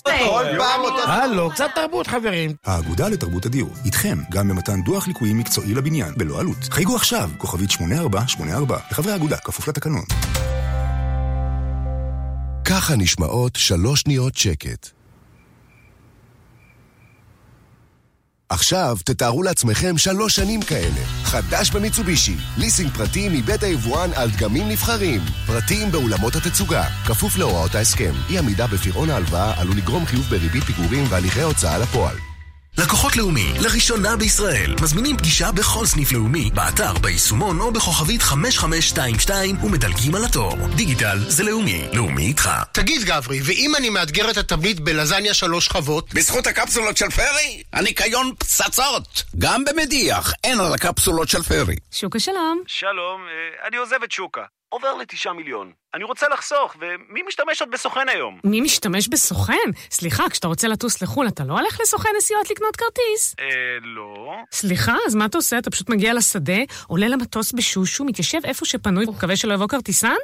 לא, אנשים? הלם. במקום לממן סוכן, עוברים לביטוח 9 מיליון. גם חוסכים כסף וגם נהנים מחודשיים מתנה בביטוח מקיף לרכב. 03 9 מיליון איי-די-איי חברה לביטוח, כפוף לתקנון. התחלנו! פסח שמח במחסני תאורה, נברשת שנייה בשקל. שמעתם נכון, נברשת שנייה שבמבצע בשקל בלבד, כולל קולקציית האביב על מאות נברשות ומנורות תלייה. מהרו ואל תפסחו. מחסני תאורה, כפוף לתקנון. בגיל 70 או 80, אנחנו פשוט רוצים להמשיך לחיות חיים עצמאיים. בלי תלות. בלי תלות בילדינו, בלי תלות בטכנאי שמאחר להגיע. כאן חיים ברקן, מנכ"ל בית גיל פז בכפר סבא. אני מזמין אתכם לבקר בדיור המוגן שלנו. כאן אנחנו דואגים לכל פרט, ואתם נהנים מחיי התרבות, מהתמיכה הרפואית, מהשקט הנפשי ומהביטחון האישי. חפשו בגוגל בית גיל פז, או התקשרו 1-700-55-70-80. האם יש טכנולוגיה שיכולה לסייע בהצמחה מחודשת של שיער? האם אפשר בכלל לעצור את הידלדלות השיער ואת ההתקרחות? ולמי יש סיכוי גדול יותר להצליח בזה? לנשים או לגברים? אם תתקשרו 1-800-665544, תקבלו לנייד שלכם סרטון ומידע חיוני הקשור בבלימת הידלדלות השיער בקרב נשים וההתקרחות בקרב גברים. ותלמדו על הצמחה מחודשת של שיער טבעי. לקבלת המידע, 1-800-665544.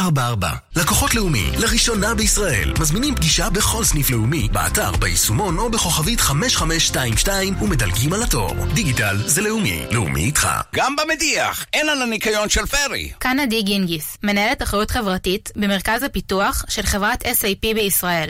אנו חברה שמאמינה באחריות חברתית, דאגה לקהילה ויצירת עולם טוב יותר.